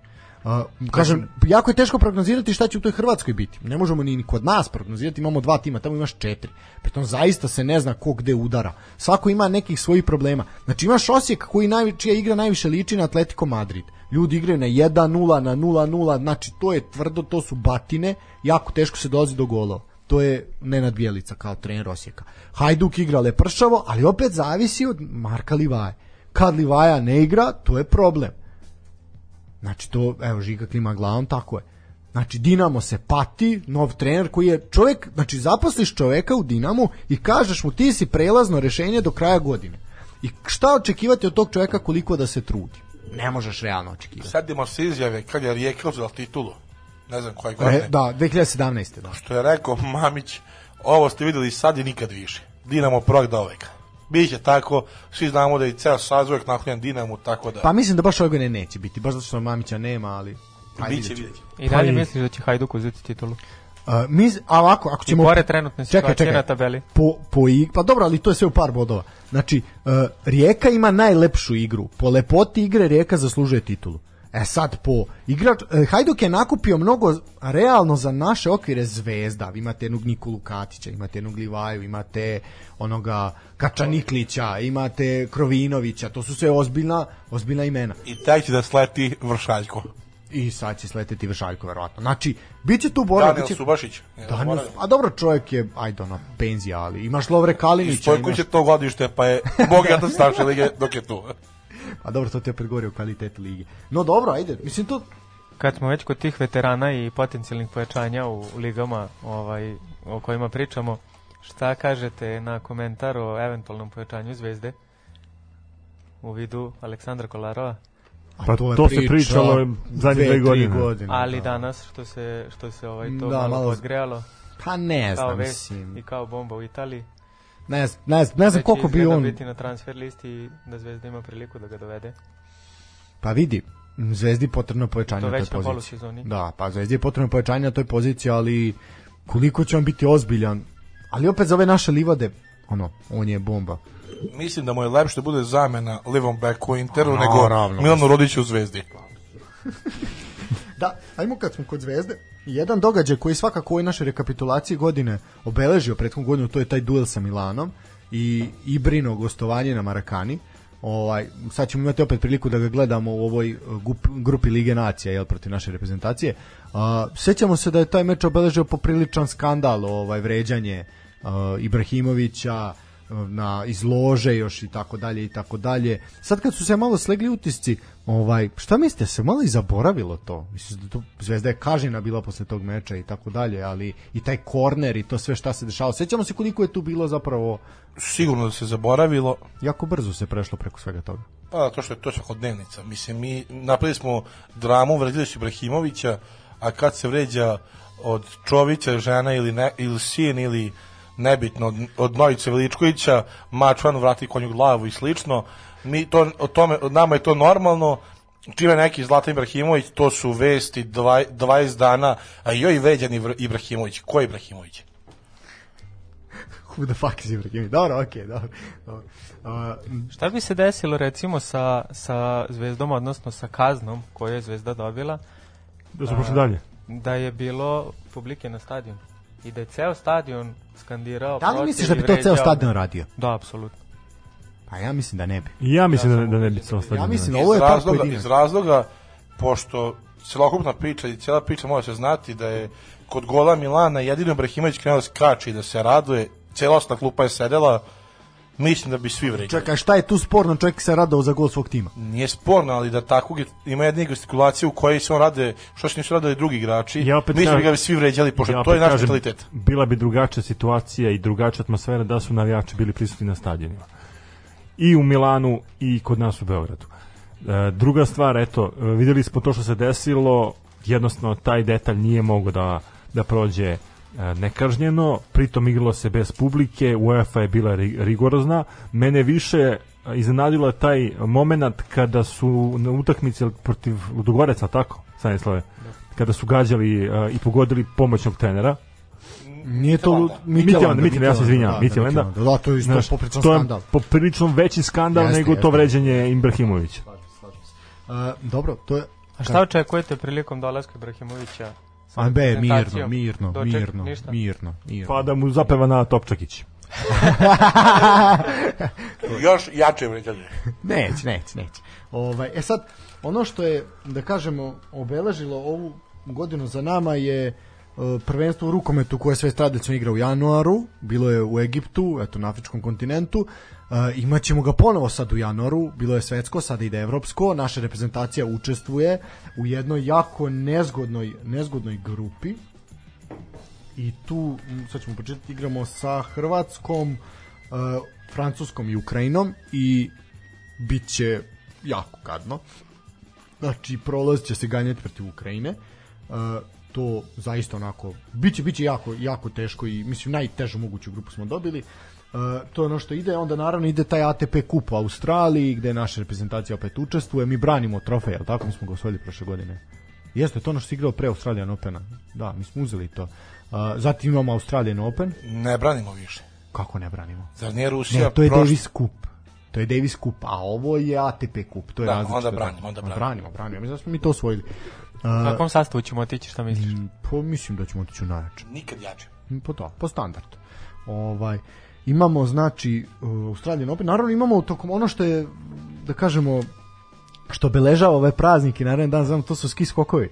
Ovaj, tradicionalna turneja četiri skakonice. Tako je, ali nažalost i ove godine bez prisustva publike.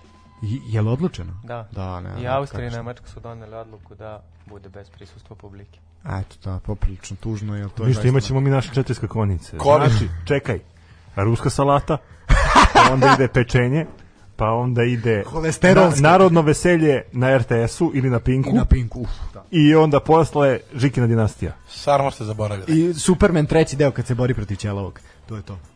To je definitivno. Sigurno. Sigurno. Dobro. Mislim, ovaj, da kažem tako neka pomoć publike u skijskim okolima pa je ravna pomoći roditelja u pregledu, ostom pregledu. Realno. Dobro. E, ono što je obeležilo ovu godinu za nama su uh, je evropsko prvenstvo u fudbalu. Tu ćemo završiti priču o fudbalu. Evropsko prvenstvo prvi put odigrano u više zemalja tokom širom Nadamo cijele. se poslednji put. Nadamo se poslednji put. Širom Evrope. Uh, mi ćemo mi smo možemo pohvaliti prvo sedmočasovnom najavom grupa i analizom, to nam je jedina stručna emisija, više to nikad nećemo raditi. I drugo, možemo se pohvaliti time da smo odgledali svaki minut svake utakmice, uh, što isto nećemo više nikad raditi. Kažem, To nije za pohvalu. to, pa, pa nije, da, znamo mi. Mislim, mi odgledamo svaki minut naše lige, tako da, ono. Uh, I šta da kažem, eto, na kraju Italija zasluženo osvojila, tu nema priče. Ne kao pr prvi utisak nas nije bilo i onda se posvetiš futbolu. Tako je, odmah sa uživanjem pratiš. Odmah nema nerviranja, nego sa uživanjem pratiš. Mada smo se mi tu malo nervirali oko nekih reprezentacija za koje smo navijali. Dobro, šta je tu je. Uh, imali smo finale Lige šampiona, ta epska najava finala se desila u ovom studiju. Ovaj, je Desa- bo- borba titana. Borba titana između Dese i Žike, ovaj, gde na kraju, ovaj, zna se ko bio u pravu, jel? Reci, reci. Uvek. Pa da, doktor je. Kakav decimir. Ja ću samo da kažem da sam ja još pre nego što je bilo u planu odigravanje grupne faze, odnosno nokaut faze, rekao ko je meni favorit za osvajanje Lige šampiona, na kraju ta ekipa je i uzela i postala prvak Evrope. Da. Meni je to zanimljivo. Mlad momak, zdrav, prav. Kako njemu došlo, pored svih normalnih ekipa, da je favorit Chelsea? Koji je to, to vreme vodio Lampard, koji se čovjek ne zna šta će od sebe. E, bio je u tom momentu, ja Samo ću mislim, te zaustaviti, ti si navio za Chelsea. Pa li jesam, to što sam bio malo pod dejstvom alkohola, ali inače, mislim, ja sam tek kasnije u polufinalu kraj njih zavole, ali do tada, Dobro. O, Ja sam video nešto što drugi ljudi ne vide. Očigledno, Zato imam te očigledno. naočare koje sam nabavio u da, da, oče klinici Eliksir. Da, u Eliksir Kaluga je od dvojica radnika su tu prisutni. Danile, reci nešto, majka mu stara. Sad ćemo, sad ćemo doći na tvoj teren. Sad idemo na tvoj teren, nešto što je obeležilo svakako u godinu. Samo kratko, znači imali smo i olimpijske igre, ovaj, koje smo isto svi živi zaboravili da su se uopšte održale. S koliko medalja smo se vratili, se sećate? 9 ili 13. O, si smo se mi smo čak kladili. Ovde je pala opklad u studiju. ja sam pogodio da je da on je izgubio. Da, ja sam izgubio tu opkladu. Ja sam rekao da ćemo osvojiti manje od 10, jel tako? Na kraju smo završili sa 12. Ja sam upravo, ajde. Jesi, jesi, pravo si. Ovaj, da, ovaj, Možete da napravite koje svoje svoje? nema šanse. Sećate? Setimo ono kakvi. Pa ja znam A, da je da je Mike, bilo- Mikić osvojio, Da, on je prvi, ja mislim. Da, Da, tako. on- Pa su onda ovi džudistkinje, tačnije ne, nego ove, Karatistkinja. Tekvondo, karatistkinja, zatim ovaj Zur- Zurbašvili, to se sećamo, to smo gledali zajedno. Čist Srbina.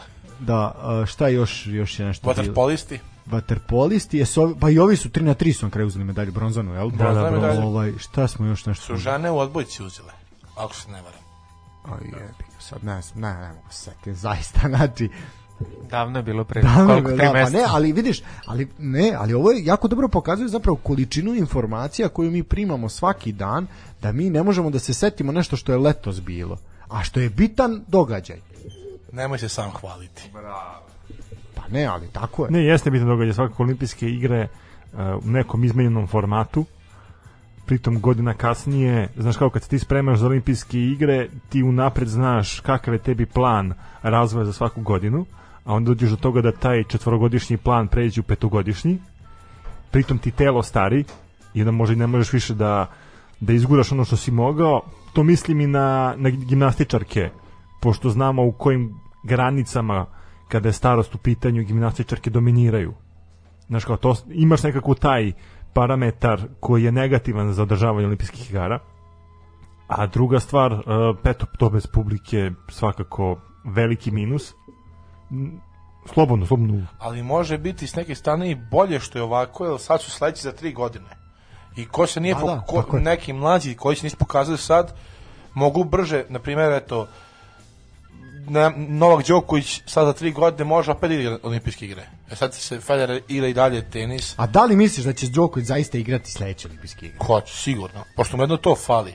I ovako je, Misliš da je ovako je se kaže got u tenisu, samo da pokaže svim osim da je još veći. Da uzme Ne, znaš sve. kako, mi smo analizirali uh, partiju Novaka Đokovića na olimpijskim igrama.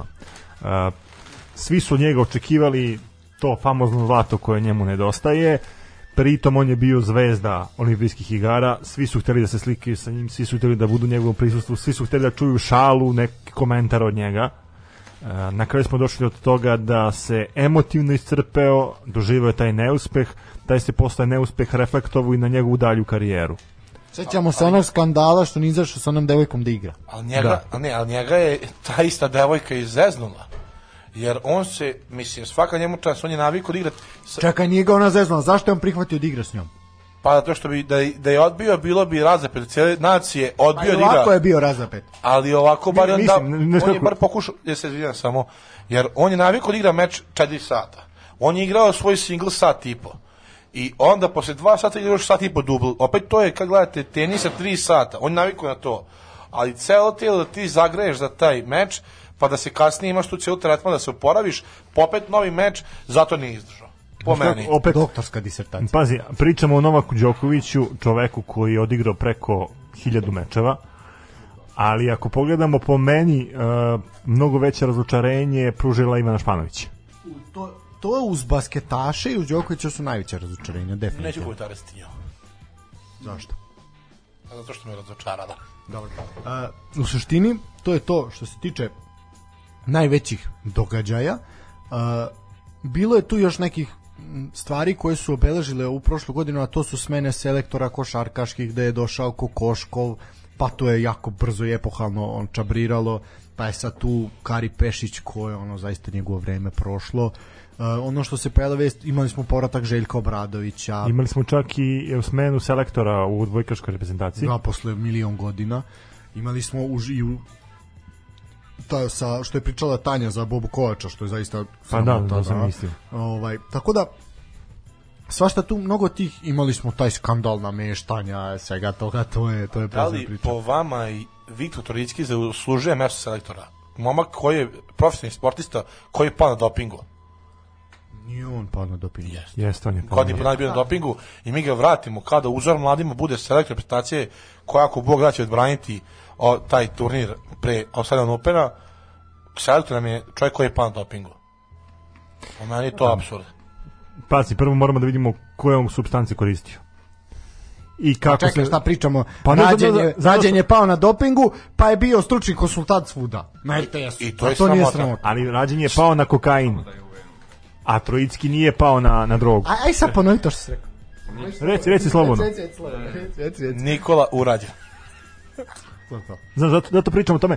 A, imaš da američki atletičari isto koriste a, neke steroide koji su da li dozvoljeni, da li ne dozvoljeni, zavisi kako se gleda i zavisi ko je gledao taj doping test. E, to je verovatno urađeno i ne bih sad rekao da je izvršena nepravda o Trojickom, ali ima nekih momenata gde mi možemo da sumnjamo u ljude koji su radili antidoping test.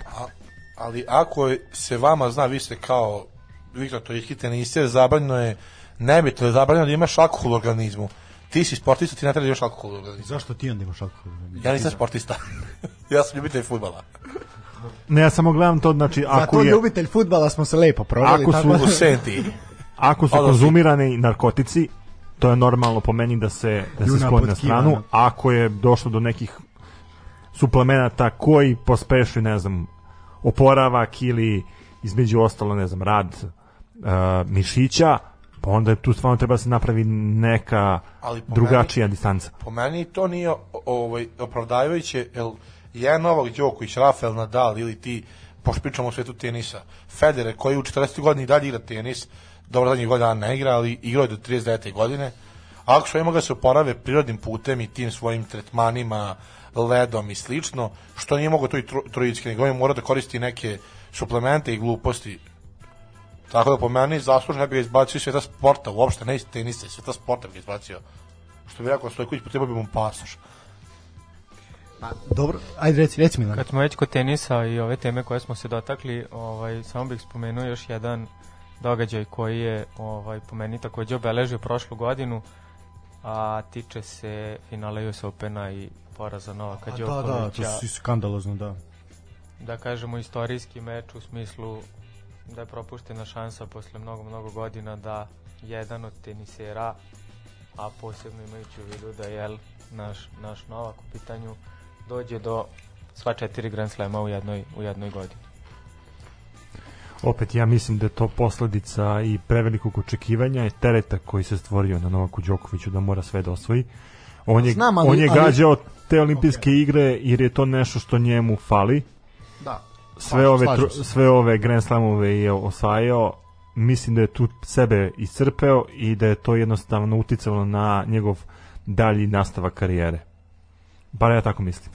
Ali mora se priznati da je Medvedev odigrao vrhunski meč. Naravno da to, ali Tako da- ovaj opet gledamo Novak Đoković je trenutno broj 1 na ATP listi i gledamo to kao na neko razočarenje jer su svi očekivali od njega Tako je, pritisak je bio prevelik, to je definitivno, ali opet sa druge strane mislim da je on kao neko ko je prošao već mnogo toga i osvajao sve i svašta više puta, kao što si spomenuo. Ovaj, neko ko po meni zna da se nosi sa pritiskom. A da, mislim, ako neko na ovom Da, svetu zna da se nosi definitivno. priskom, to je onda on. Ne, e, trener Barcelone u košarci je lepo rekao, mislim da je baš. Jaskevičius, baš juče lepo rekao. Kaže, kakav pritisak, mi smo kao favoriti Evrolige, mi smo ljudi milioneri, uživamo u sportu. Pritisak je kad neko ne može nađe posao, ima dete kući gladno. A Đoković pritisak, on, onda ako ne može sa, salažeš pritisak, kao što, smo, što su spomenuli kolege, on je možda mentalno najjači čovek, najjači sportista Kolege. trenutno. Znači, sportista trenutno, mentalno, mislimo, po mene jako je zbog toga, pa onda je sramota. Bravo. I treba ga vređati. Koji sa ovo- Imađa?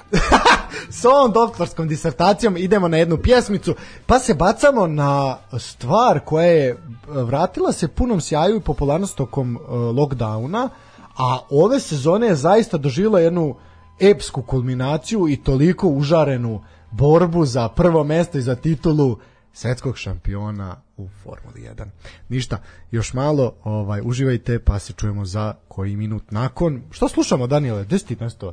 Strašno čovjek nas snima, e, kakav udbaš, kakav udbaš. Slušamo Killer se, uživajte. Breaking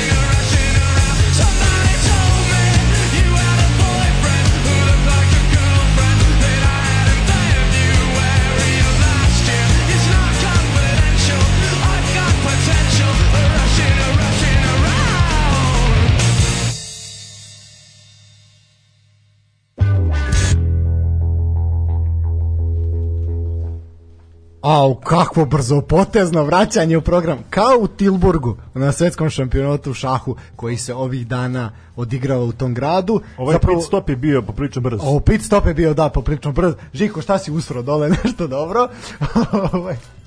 Prosto sam vodu. dobre, dobre, dobre, ubiće nas ovi. Ovo nije ni bitno. Da, pričamo o... Čim je tema formula, odmah mu se tresu ruke. Odmah mu se tresu ruke, da, nema tu je reakcija, odmah zosta, izostaje. E, da, pričamo o najbržem cirkusu koje je... Pa nije, a nije Linglong Superliga. A nije Liglo, pa nije najbrži cirkus, nismo rekli najveći cirkus, nego najbrži, pošto Linglong Superliga nije najbrže ništa, cirkus jeste, ali nije najbrži. A, da, ove godine je zaista formula izazvala jednu veliku, veliku ovaj pažnju i zaista posle mnogo godina dominacije Mercedesa i bez zaista pravu konkurentnost smo imali borbu, neizvesnu borbu za titulu koja se odlučila u posljednjem krugu. E, ono što je prethodilo svemu tome je ta bilo je priče prethodne godine šta će biti sa Red Bullom, Honda napušta, ne napušta, zamrzava se program razvoja motora i tako dalje i tako dalje.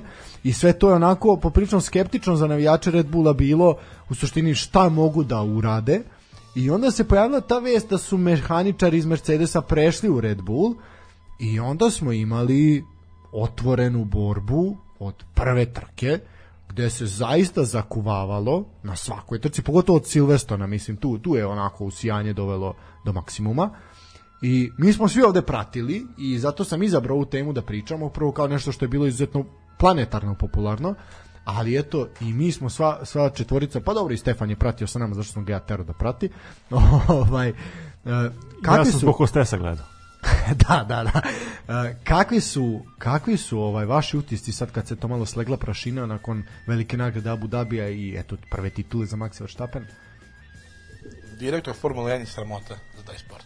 Dobro. Aj sad Michael Masi, da. Mislim čovjek je Michael realno Masi, pre Haas. njegove kontroverzne odluke u svakom meču je bilo u jednom meču kazni Verstappena za nešto što Hamilton u sledećem ne kazni i onda Konzistentnost nije postojala, to Da. je istina, da. Ni, ni, kazne su bile, nisu bile definisane, nego je on bukvalno svoju ruku radio šta hoće. Igrao se, Boga, što bi se reklo. E, dobro, e sad, da li misliš da su zaista, mislim, znamo da se Netflixova ekipa je opet bila uz Formulu 1 i tako dalje i da se tu uh, Liberty Media pravi spektakl od toga i to je više nešto što je serija, bukvalno u nastavcima. Da li zaista misliš, i zavredno što mišljenje, da je to namerno rađeno da bi se potpuno, mislim koliko, nije, su- nije niko mogao gađati da se u pola boda izjednače, to nije niko mogao gađati, ali da budu što i jednakiji mogući, da bi onda spektakl bio u Abu Dhabiju. Pa sigurno. Jer, Znači da je teorija zavera te od postoji. Trke, od trke, u kom momentu je vodio Verstappen 56 bodova. U sledeće dve trke prvo Bottas izbaci ovaj, Verstappena, pa onda Hamilton i pritom Hamilton kada ga je poslao u bolnicu, izađe napolje i raduje se neprilični Hamiltonu, ali to je dokaz da je to sve izrežirano. Čak ne verujem da da je zašto je uopšte Verstappen išao u bolnicu ili nešto, jer je posle najdana došao na trku najnormalnije komu ništa ne fali.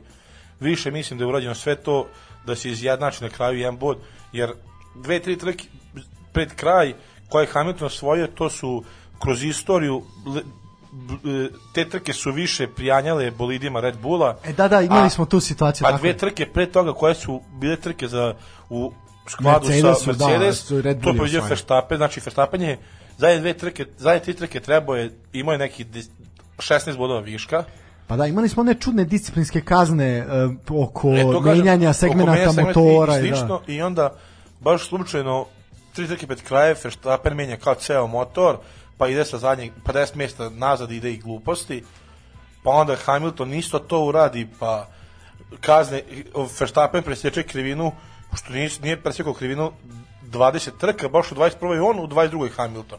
I ovde Verstappen kazne, Hamilton ne kazne, pa na kraju Hamiltona sa onim safety carom i slično, tako da... A dodirivanje zadnjeg kraja kazna za dodirivanje što je Versta- Verstappen dirao bolid, sećaš se i da i to bilo. Pa, to kažem, jezivo, to su pravili više da bi, ja verujem da je trka u Abu Dhabiju TV prava, E, i sve, to, to. da je uzela zaradu pa da ne preteram, ali približno ko prethodnih 19 trka. A, samo ćemo podsjetiti da je trka odvežena u Teksasu, zapravo taj trkački vikend oborio rekord po broju gledalaca, negde oko 300 i nešto hiljada je bilo ljudi, znači zaista jedan impozantan broj, da eto, povratak publike ove godine na sva borilišta, da tako kažem, eto, osim e, četiri skakonice se, se desila, što je to zaista, zaista tužno. E, što se tiče Formule 1, Biće jako zanimljivo sad gledati Netflixovu seriju u martu, da vidimo kako će, kako će to izgledati.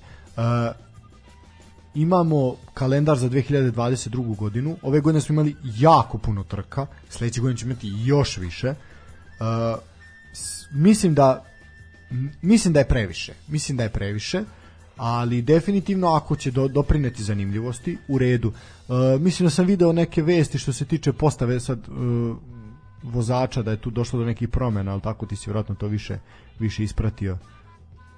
Pa ja što znam je da je Russell došao u Mercedes, a da, je Bottas došao u Alfa. Alfa Romeo, da Kimi je završio karijeru. I uh, Goskan, Goskan i Đevinaci su završili karijeru. Da, Giovinazzi ide, Giovinazzi prelazi u Formulu E. Pa da, to mu je kvalitet. Pa dobro, ali mislim, ok, napredova je ove godine odnosu na prethodnu. Pa jesno, da to nije u Formuli B, nego E. Strašno. Dobro. Uh, što se tiče što se tiče aha o to je to evo ga prozivanje uh, što se tiče mislim mi zaista je bez veze da se mi bavimo nešto puno formu mi ćemo to ovako pričati drugarski pošto smo pričali puno svakog ponedeljka se pričalo uglavnom o tome ovaj na adresi Marodićeva 12 a I, ne, I nedeljom i popodne u nedeljom grupi. popodne u grupi da ovaj Srbija Brazil 2:1 Ili nekad uveče, zavisi od termina trke. Uh, i mislim zaista to m, Lab 76, Srle i Pajče to rade perfektno i mi tu zaista ne treba da se, da se mešamo, ali eto naš neki navijački, navijačka neka priča uh, koliko ste zadovoljni prikazanim ove sezone? Pa, ako mene pitaš... Ajde ti sad kao tu najstariji među nama koji Da, formulu već to više što od si 20 rekao, godina. najstariji, hvala ti. ovaj, Najiskusniji, to da, da, da, sad, sad ću se podsjetiti malo nekih ranih ovaj, perioda uh, početka praćenja mog formule, gde definitivno su se neke stvari u mnogome razlikovale u odnosu na ove, ove današnje trke. Uh, tu prvenstveno mislim na to da nije toliko marketing bio uh, i, i uopšte neka finansijska strana cele priče uh, na tom nivou kao što je to danas, što je sasvim normalno imajući u vidu jel, vreme u kome danas živimo. A, mislim da je odlično što su se dva vozača a, a, pojavila unazad nekoliko sezona i mm, što se bore jel, za titulu. Ko je zaslužio u ovoj sezoni titulu i da li je Max zasluženo dobio, to je već pitanje koje Ali će vidi- imati različita mišljenja. Ali kogod da je uzeo, je zasluženo uzeo. Apsolutno, između njih dvojice nemam dilemu da, da su zaslužili jedan i drugi. Da li je a, direkcija formule uticala na konačan ishod? Mislim da nije generalno... mm, Kompenzacija, kompenzacija. Tako je, tako je. Kompenzacija koja je na kraju dovela do toga da je Max postao, postao šampion, što je u neku ruku dobra stvar, imajući u vidu da je Luis malo i dosadio svima koji pratimo, jel? činjenica je da je vrhunski vozač i to mu niko ne može osporiti, ali mi se čini da je i a, sam bolid taj koji je doprineo jel, njegovim titulama koje je osvojio i vraćam se ponovo na početak ove priče, odnosno onoga što si malo pre rekao najstariji. A, u periodu kada sam ja počeo da pratim trke, nisu se a, toliko razlikovali bolidi dolazilo je više do izražaja umeće samog vozača, što je bilo mnogo zanimljivije za gledanje i nije se, nije se moglo ovaj, predvideti u toj meri da li će pobediti jedan ili drugi, kao što je to danas moguće. Daleko od toga da nije i tada bilo par vozača koji su se izdvajali, ali ako se malo osvrnemo kroz istoriju, vidjet ćemo da su tu ovaj, pobeđivali neki vozači koji možda baš u tom trenutku, trenutku i nisu bili naj, najkvalitetniji, ali se prosto dešavalo da uspeju na ovaj ili onaj način mnogo po meni korektnije da dođu do titule nego što se to dešava unazad par sezona. Mislim takođe da je ovaj, kažem, taj ekonomski moment, e, samim tim i povećanje broja trka doprineo da se popularnost poveća i da sad imamo jel, na svim stranama sveta zemlje u kojima se voze trke, što je sa jedne strane odlično, a sa druge strane opet pitanje je kvaliteta, odnosno zanimljivosti praćenja imajući u vidu jel, broj trka koji je, malte ne svake nedelje imamo trku, malo i dosadilo. Pa, e pa to, bojim se da ne dođe do toga da dosadi, razumiješ Neće, što? neće, zato što, zato, zato što e, ljudi vole dramu. Znaš, e, kada se dešava neka drama, ljudi vole to da isprate i onda samim tim što si rekao da je, da je koliko je bilo gledalaca u, u Preko 300.000. E pa, to je, to je fora. Znaš, ljudi vole da gledaju, gledaju zanimljive stvari. Da se nešto dešava, ne da bude samo jedan, jedan e, čovjek koji, koji vozi, što je Milan rekao, ovaj, da ima bolid iznad svih i da, i da uzima sve živo. Ovako je dosta zanimljivije kada imamo malo više i, i trka samih i, i malo više zanimljivih radnji i, i svega, tako da ne znam. Pa okej, da, jeste, ali znaš, treba imati neku meru. Meni ne. sad ovo... Šta, ne treba imati? Ne, ne, Znači, ma, ne. Ni u čemu ne, treba imati Što bi rekao naš drugar, naš drugar Dragan Belanović, koga je u dalekoj Njemačkoj, koju ovim putem pozdravljamo, treba preterivati uvek i u svemu. Pa to je normalno, pa to je tako. Pa to je tako, Pa da. Da, ovaj, da završimo ovu priču o formuli. A sad ja moram Žiku, ovde ću ga sad pecnuti žestoko, pa da je to bio tvoj posao večeras. dobro. Ovaj, uh, onaj incident u Mađarskoj. Kad je Botasa zaleteo, da li on to namerno uradio ili je to bila slučajnost? Da li takvom vozaču može da se desi takva slučajnost? Može. Ako smatraš da ja slučajno pijem pivo već peto danas, onda je njemu to bilo slučajno. Ako misliš da je naš Daniel ovde rekao da neće piti danas, pa opet pije. Pa istina. I to je slučajno. To je to je iz nehata. Na- iz nehata. Ne može- To je razlika. Ne? Ne može meni da se desi koji vozi moped Lastro, jedan sem, da ne zakočim, nego dam gas, a ne profesionalni vozač. Može zato što voziš Opela, razumiješ? Znači ne možeš to reći. Šta, kao nije znao da je desno gas, levo kočnica i on kao slučajno pritisno gas i uleteo u, u Verstappena, kada bi Hamilton bio već izbačen iz šampionske titule. Pa to je, Pa, mislim, to mislim da... Definitivno je prelomni moment. A I opet je to, zato- to je ono što smo možda mi tražili. Što bi da rekao, drama. mislim da je Slobodan Šarenac rekao pobjeda sporta nad farmacijom, tako je pobedio To Šarenac rekao, to je rekao ovaj Korać.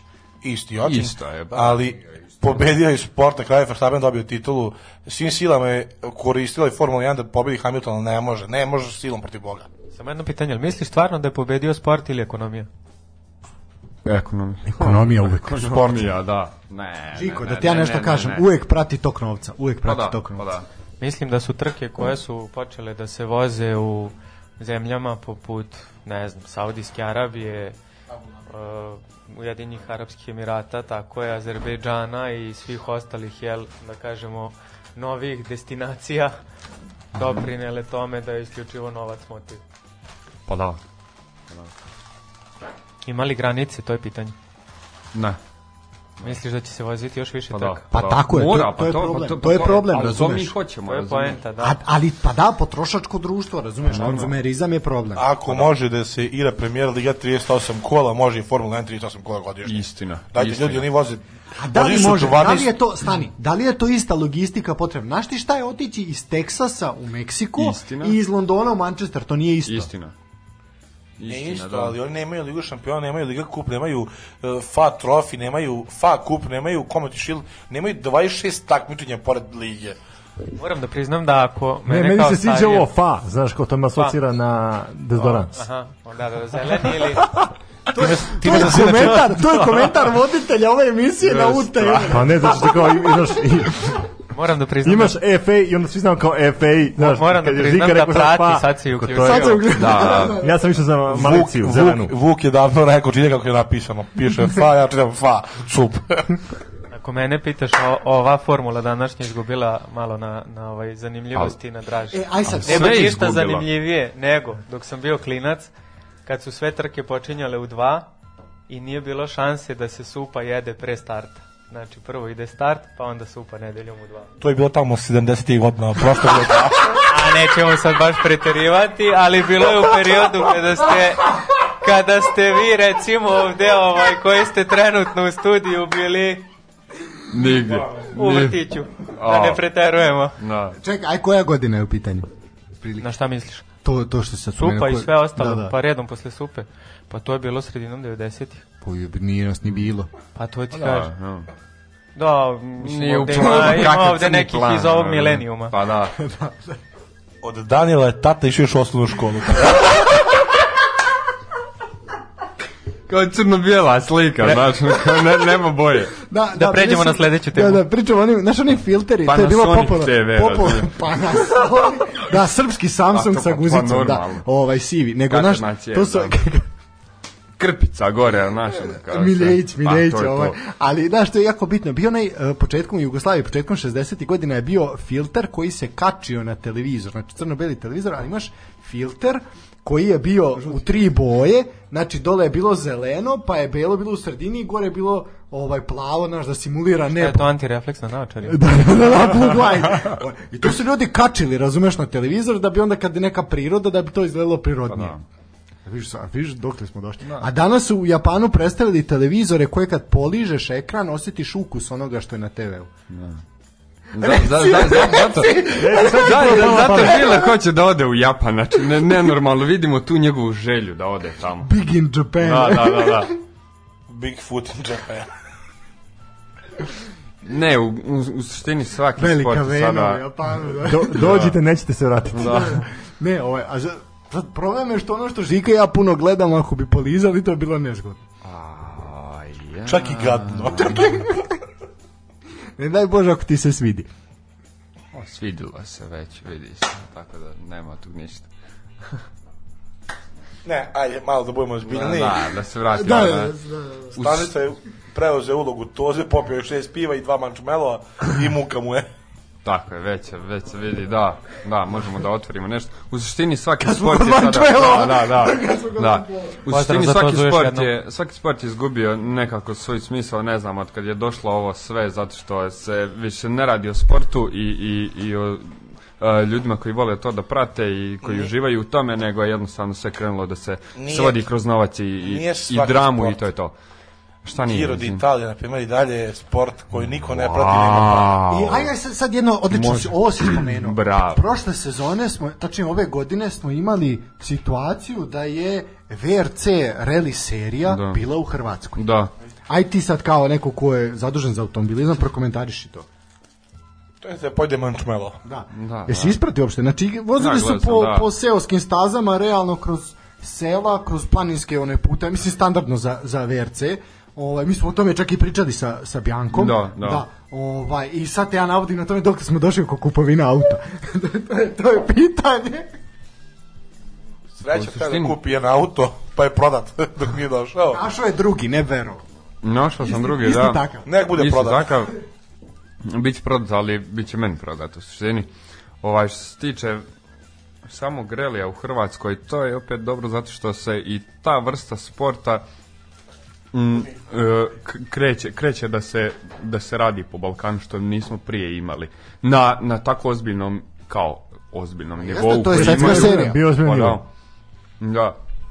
Ali mi opet Ja- nemamo neke vozače naše koje jedino što ja znam je Juraj, što je... Šebalj, da. Da, imamo- ali imamo- što je on u suštini više YouTube zvijezda nego... To dobro, jest ali kako- pazi, on sad ima ja ozbiljan broj godina. Dobro, imamo i Zeta srpskog. Da. Ako se ne varam. Giant Z je... Ja sam mislio Schweinsteiger. Ne, Giant Z, onaj francuz. A on vozi rally. Da, da. E, to nisam Opa. znao. Opa, Žiki, kakva asistencija. Letio je, vidi. Vidi, centriši. Čekaj, sad, sad ćemo da vidimo kako se zove. Ili Pixijev. Može biti. Giant Z.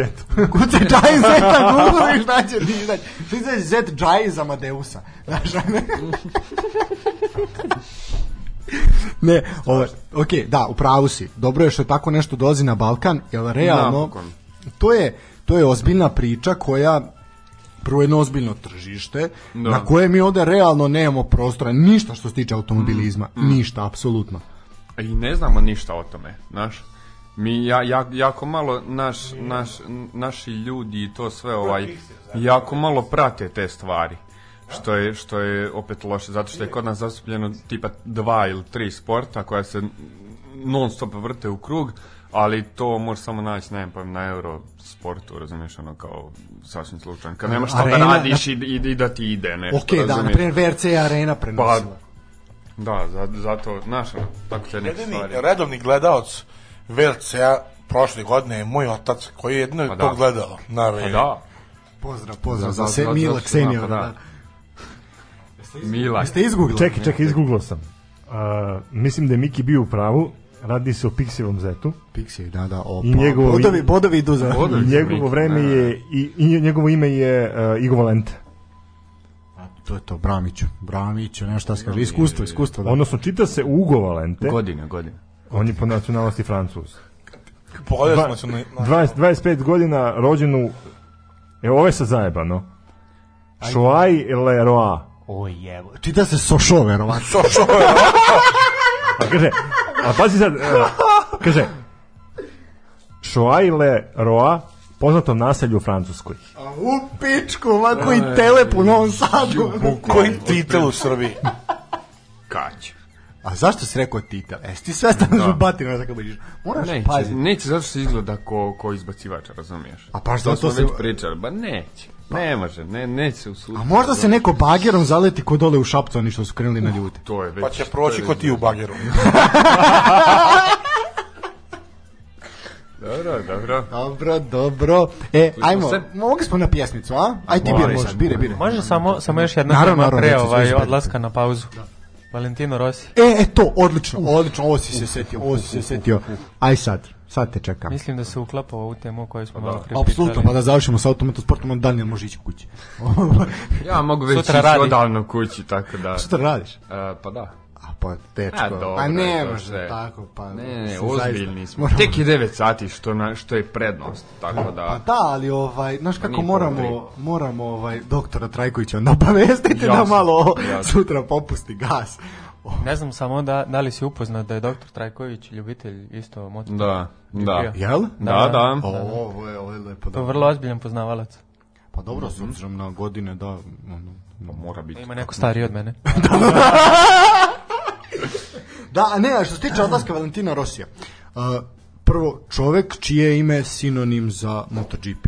Svi, en, ja mislim da nema osobe kada, kada se spomene MotoGP da ne zna njega i njegov broj i njegove boje.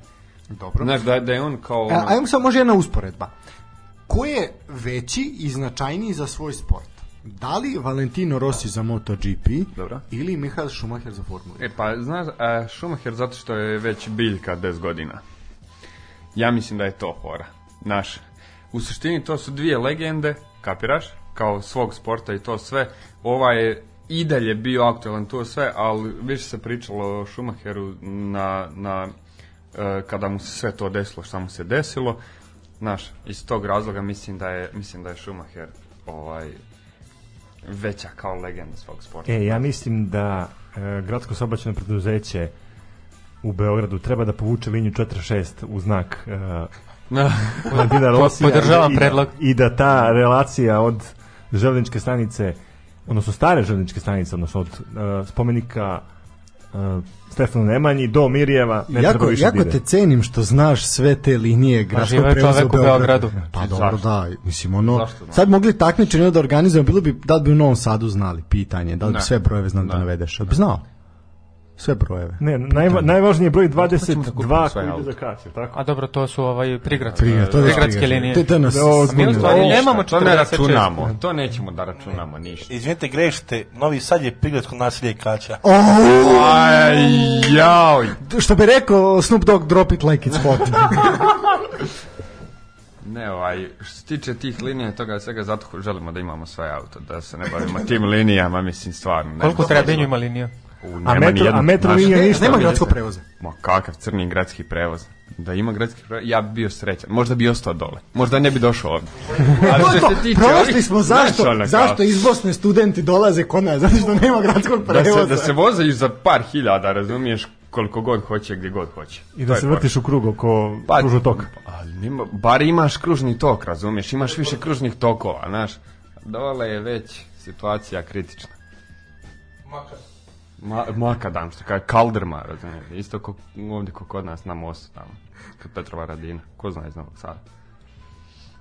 Dobro, ovaj... da, Vraćamo se s biljnim temama Valentino Rossi. Valentino Rossi, da, ajmo, ovaj, znači ozbiljno broj titula, koliko, znamo li? Aha, aj na blice. Sedam, sedam titula, tako je. Ne, pa, Ovaj, ali ne, ozbiljno ime i sinonim za MotoGP. Čovjek je odve, odvozao u Valenciji, jel tako, ovaj posljednja, posljednji krug. Vidjeli smo U sunčanoj Valenciji, ne u jebenom štitaru. a ne u jevenom štitaru, da što bi rekao Miroslav Đukić. Inače, Miroslav Đukić je do pre nekog dana bio rekorder po broju odigranih utakmica u primeri e, kao igrač sa sa prostora bivše Jugoslavije. Imao je najviše odigranih utakmica. Ivan Rakitić ga je pre, prestigao. Da. U dresu se vidio tako. Da su se vide, tako je. Tako je. Ovaj što je to zaista za zanimljivo. Da, što se tiče Valentina Rosija, nema šta reći, mnogima idol, mnogima ovaj i razlog zašto su gledali Pratili, i pratili da, MotoGP, ali nekima koji su i kupovali motore pa glumili Valentina Rosija. Meni je žao što Desa nije stigao večeras, on na svojoj Mazdi ima zalepljen broj 46, ovaj, zato je kod majstora visi više nego kod njegovom dvorištu, ali dobro, šta sad da radimo. Hoćemo li muzički uredniče nešto uraditi večeras, neka pjesmicu pustiti? Baš se trudimo, ali nešto, nešto ne ide. ne znaš, a može, pa pustiš, ajde, daj, imaš slobodan, nećete niko tući, to što žika, to mi je, Nešto italijanski u čast. Valentina. Nešto, talijanski, a malo pre je bilo Sad je bila talijanski. tu, evo sad sam je vidio, priča još nešto, molim te, dok ne... ne Pričaš nešto. Ne, pa ovaj možemo se sad u drugom delu baviti malo ovaj kulturno umetničkim temama, a ovaj šta talijansko ćeš pustiti? Pa malo pre bilo talijansko jebi ga. Sad je bilo bio talko jebi ga malo pre. Može. Zašto ne? Pa to je za Ranka. To je za Pa, to je Ranka za Ranka, pjesma. da, Evo, pozdrav da, za da. našeg druga Ranka. Može ići pjesmica. Ajde, puštaj.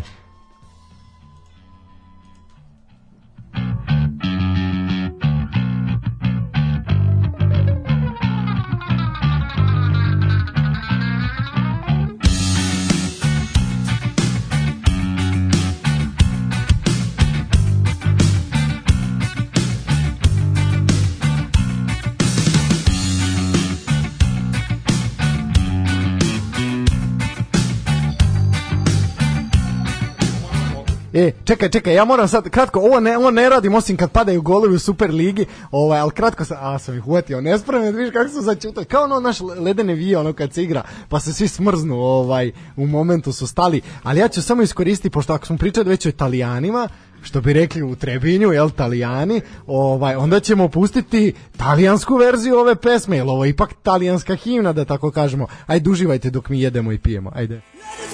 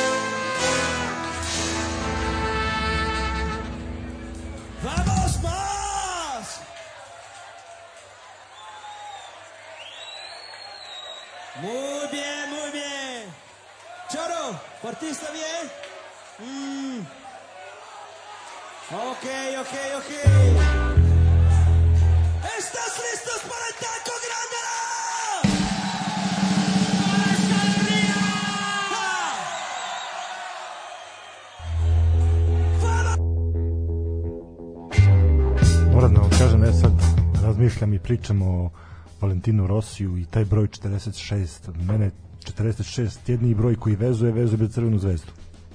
A, ja, Ne, ne, dobro, ne. dobro, I, dobro, i tu dobro, titulu dobro. koju su oni sebi A, prisvojili. mučki provokator, ovo- mučko đubre, što Mene bi ne rekao. bude patika E, tako da Miličića. savjetujem Zvezdnu Terziću da, nositi više od 46. da patentira broj 46. Da registruje, ko registruje, Coca-Cola da ima na da. R u krugu. Tako i onda da se zna ko sme da broj 46 prisvaja.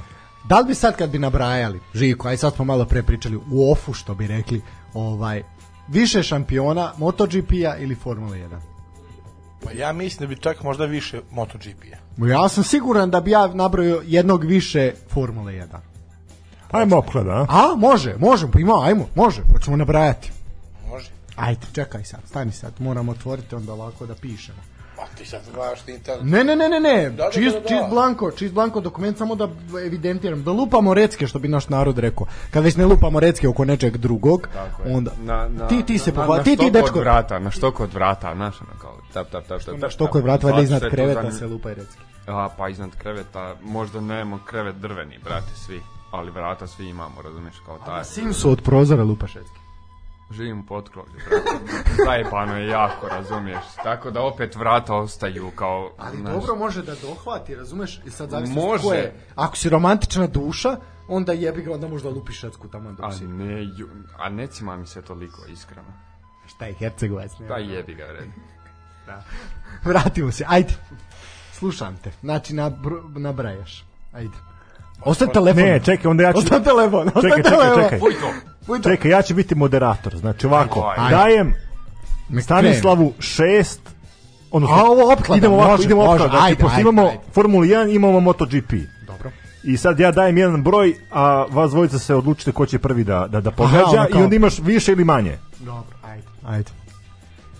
Idemo Formula 1. Žiko, tvoj broj koliko možeš da nabrojiš u ovom trenutku? Ali ja ne znam MotoGP, razumeš, pitanje je da, da, to je, Moraš oba takmičenja. pa ne, ne, znam, to ne, mislim da. Šest. Stanislava, znaš više od šest. MotoGP-u, Ne, Formula 1. Formula 1. o, znam, znam. Onda licitiraj, koji broj? po šta ja znam, znam 10 da nabrojim, Dobro. sigurno. Žiko, Njegova.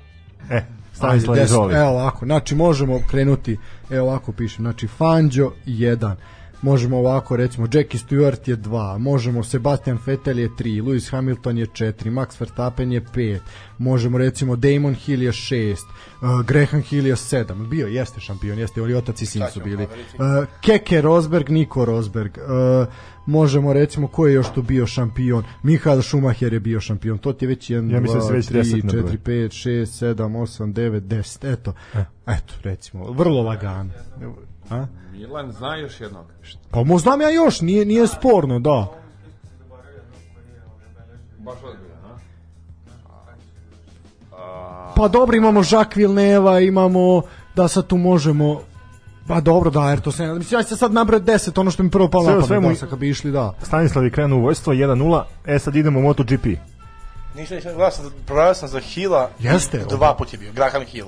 Da, je dva put bio. A i bio i Damon Hill, obojica su. Demona sam znao, nego sam provjerao taj Pa to mu je tata, bili su, da, da, da, okej. E, da, vraćamo se. uh, znači, ovaj je sa- osvojio zato što je Schumacher dobio neku suspenziju, ono kad je napravio eksces, nekoga je napao, da, da, da, da. Ovaj, ajde, Sad idemo, znači Pa MotoGP. Ima Baton, da, i tako da. Mislim, samo mogli bi tu da nabrajemo, nije sporno. Mogli bi 20 sigurno. Ži, Žiko, ajde. Sedam. Njegovo. Ne, ne bi znao. Ne bi Ajmo, znao, Žiko. zaista.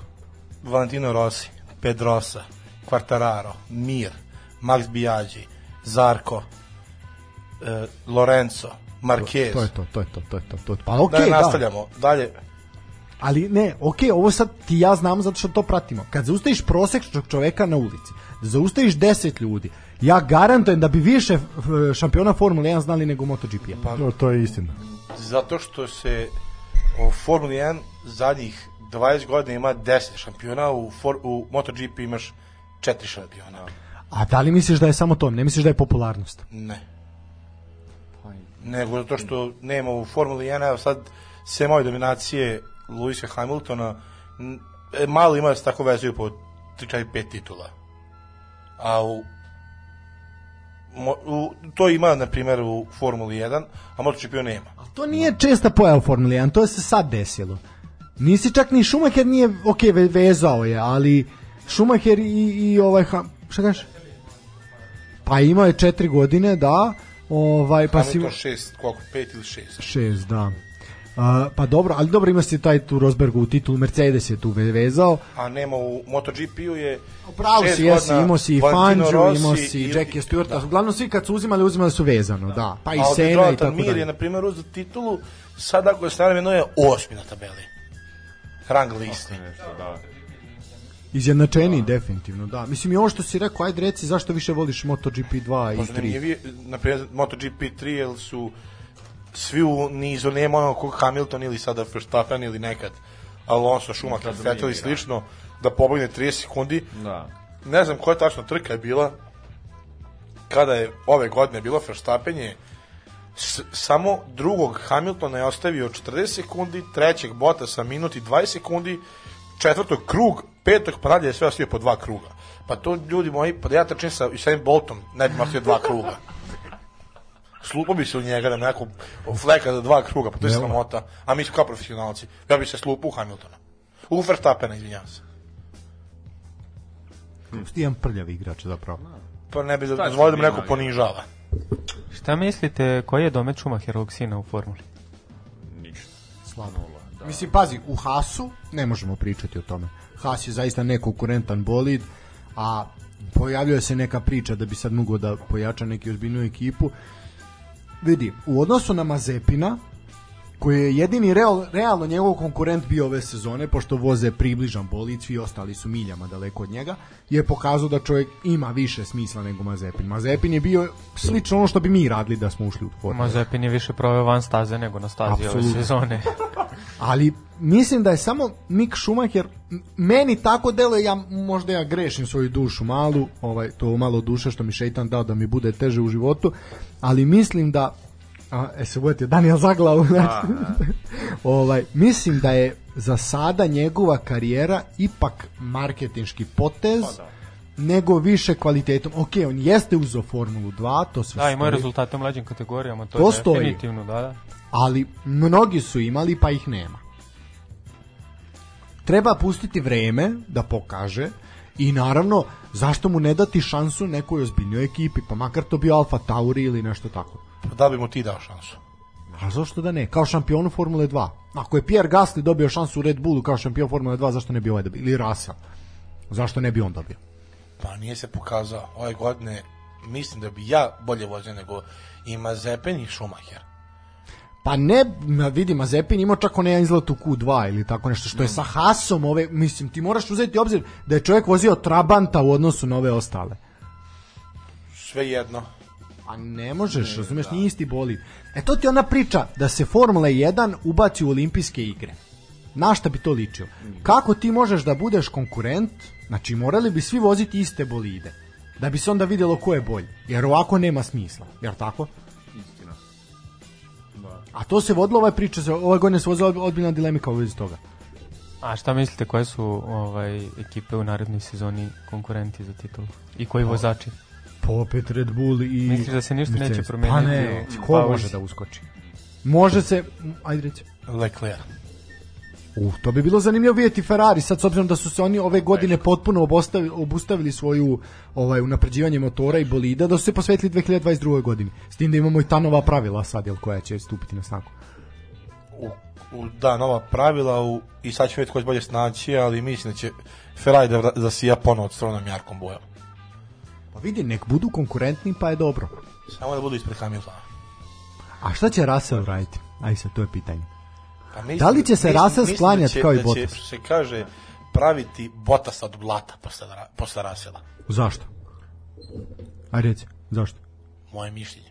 Mislim da je Misliš da je Bottas- Russell e, lošiji vozač po kvalitetu od Bottasa? Ne, mislim, znam da je lo- lošiji. Ja ne bih rekao, ali ajde. Šta je čovjek radio u Williamsu ove godine? pa ako uspe biti 13. 14. Pa nije u koliko puta je otišao u Q3? Nemoj zezati. Svaka čast. Da li će Bottas u Alfa Romeo sledeće godine biti u Q3? Neće. Biće. Nema šanse. Ajde dobro. Milane, krenuo si. Ne, ne, samo jedna ovaj stvar još. Kako komentarišete e, titulu Sera koju je Hamilton dobio relativno skoro unazad? Da li je to utašna nagrada? E pa to jeste cilj pitanja. Da li je Meni- na neki meni jako način on time nagrađen Da. Za ono što se desilo par dana pre toga ili je on zaista zaslužio svojim rezultatima, Ivica. predstavljanjem države, radom i tako dalje. Ok, to ti je ona priča. Kad Andy Murray osvoji Wimbledon, onda je on uh, građanin. Ujedinjenog Da, kraljevstva, Britanac. kada, da onda je Britanac, a kada je izgubi, onda je prljavi, prljavi škot. E sad, da. s obzirom da je ovaj ovde izgubio, opet su se drugačije poneli, znači, ali meni sad nije nešto jasno, ja moram priznati da sam sebe uhvatio u nekom lupu, zar on nije već prošle godine bio dobio tu titulu sera, ili je samo bio kandidat? Da, bio je kandidat za, Znači ove godine to sad je video sam slike da je kleknuo, da, da, da. Mislim s obzirom da se kraljici ovaj ozbiljno drhte ruke, dobro je, dobro nije ostao bez glave ili bez kikice, ovaj, ali dobro u suštini. Da, ima je vrlo zanimljivo ovaj styling na, na A dobro, ali pristojno. proglašenju. Da. Ajde ti ti kao po, mlađa generacija, molim te, prokomentariši njegovo oblačenje. Ne, ne mogu to, ne znam. To je, to je samo vid marketinški, ne znam. Meni je to jako strašno bilo. Iskreno. Ispratio sam sve, gledao sam, ali meni to, eh, nula bodova. Ne znam. Reče čovek Da. koji izgleda ovako kako izgleda. Nula bodova, da. Istrebi. Iz Trebinja još, znači strašno. Da, bez kikica, bar ako ništa, ono. Ali Kovrđav ima brat. Jo, još uvek bez kikice. Da, još uvijek, da. Da, strašno. Strašno. Mislim Letenica. samo da mu se taj kraj sezone vratio za ponašanje na stazi.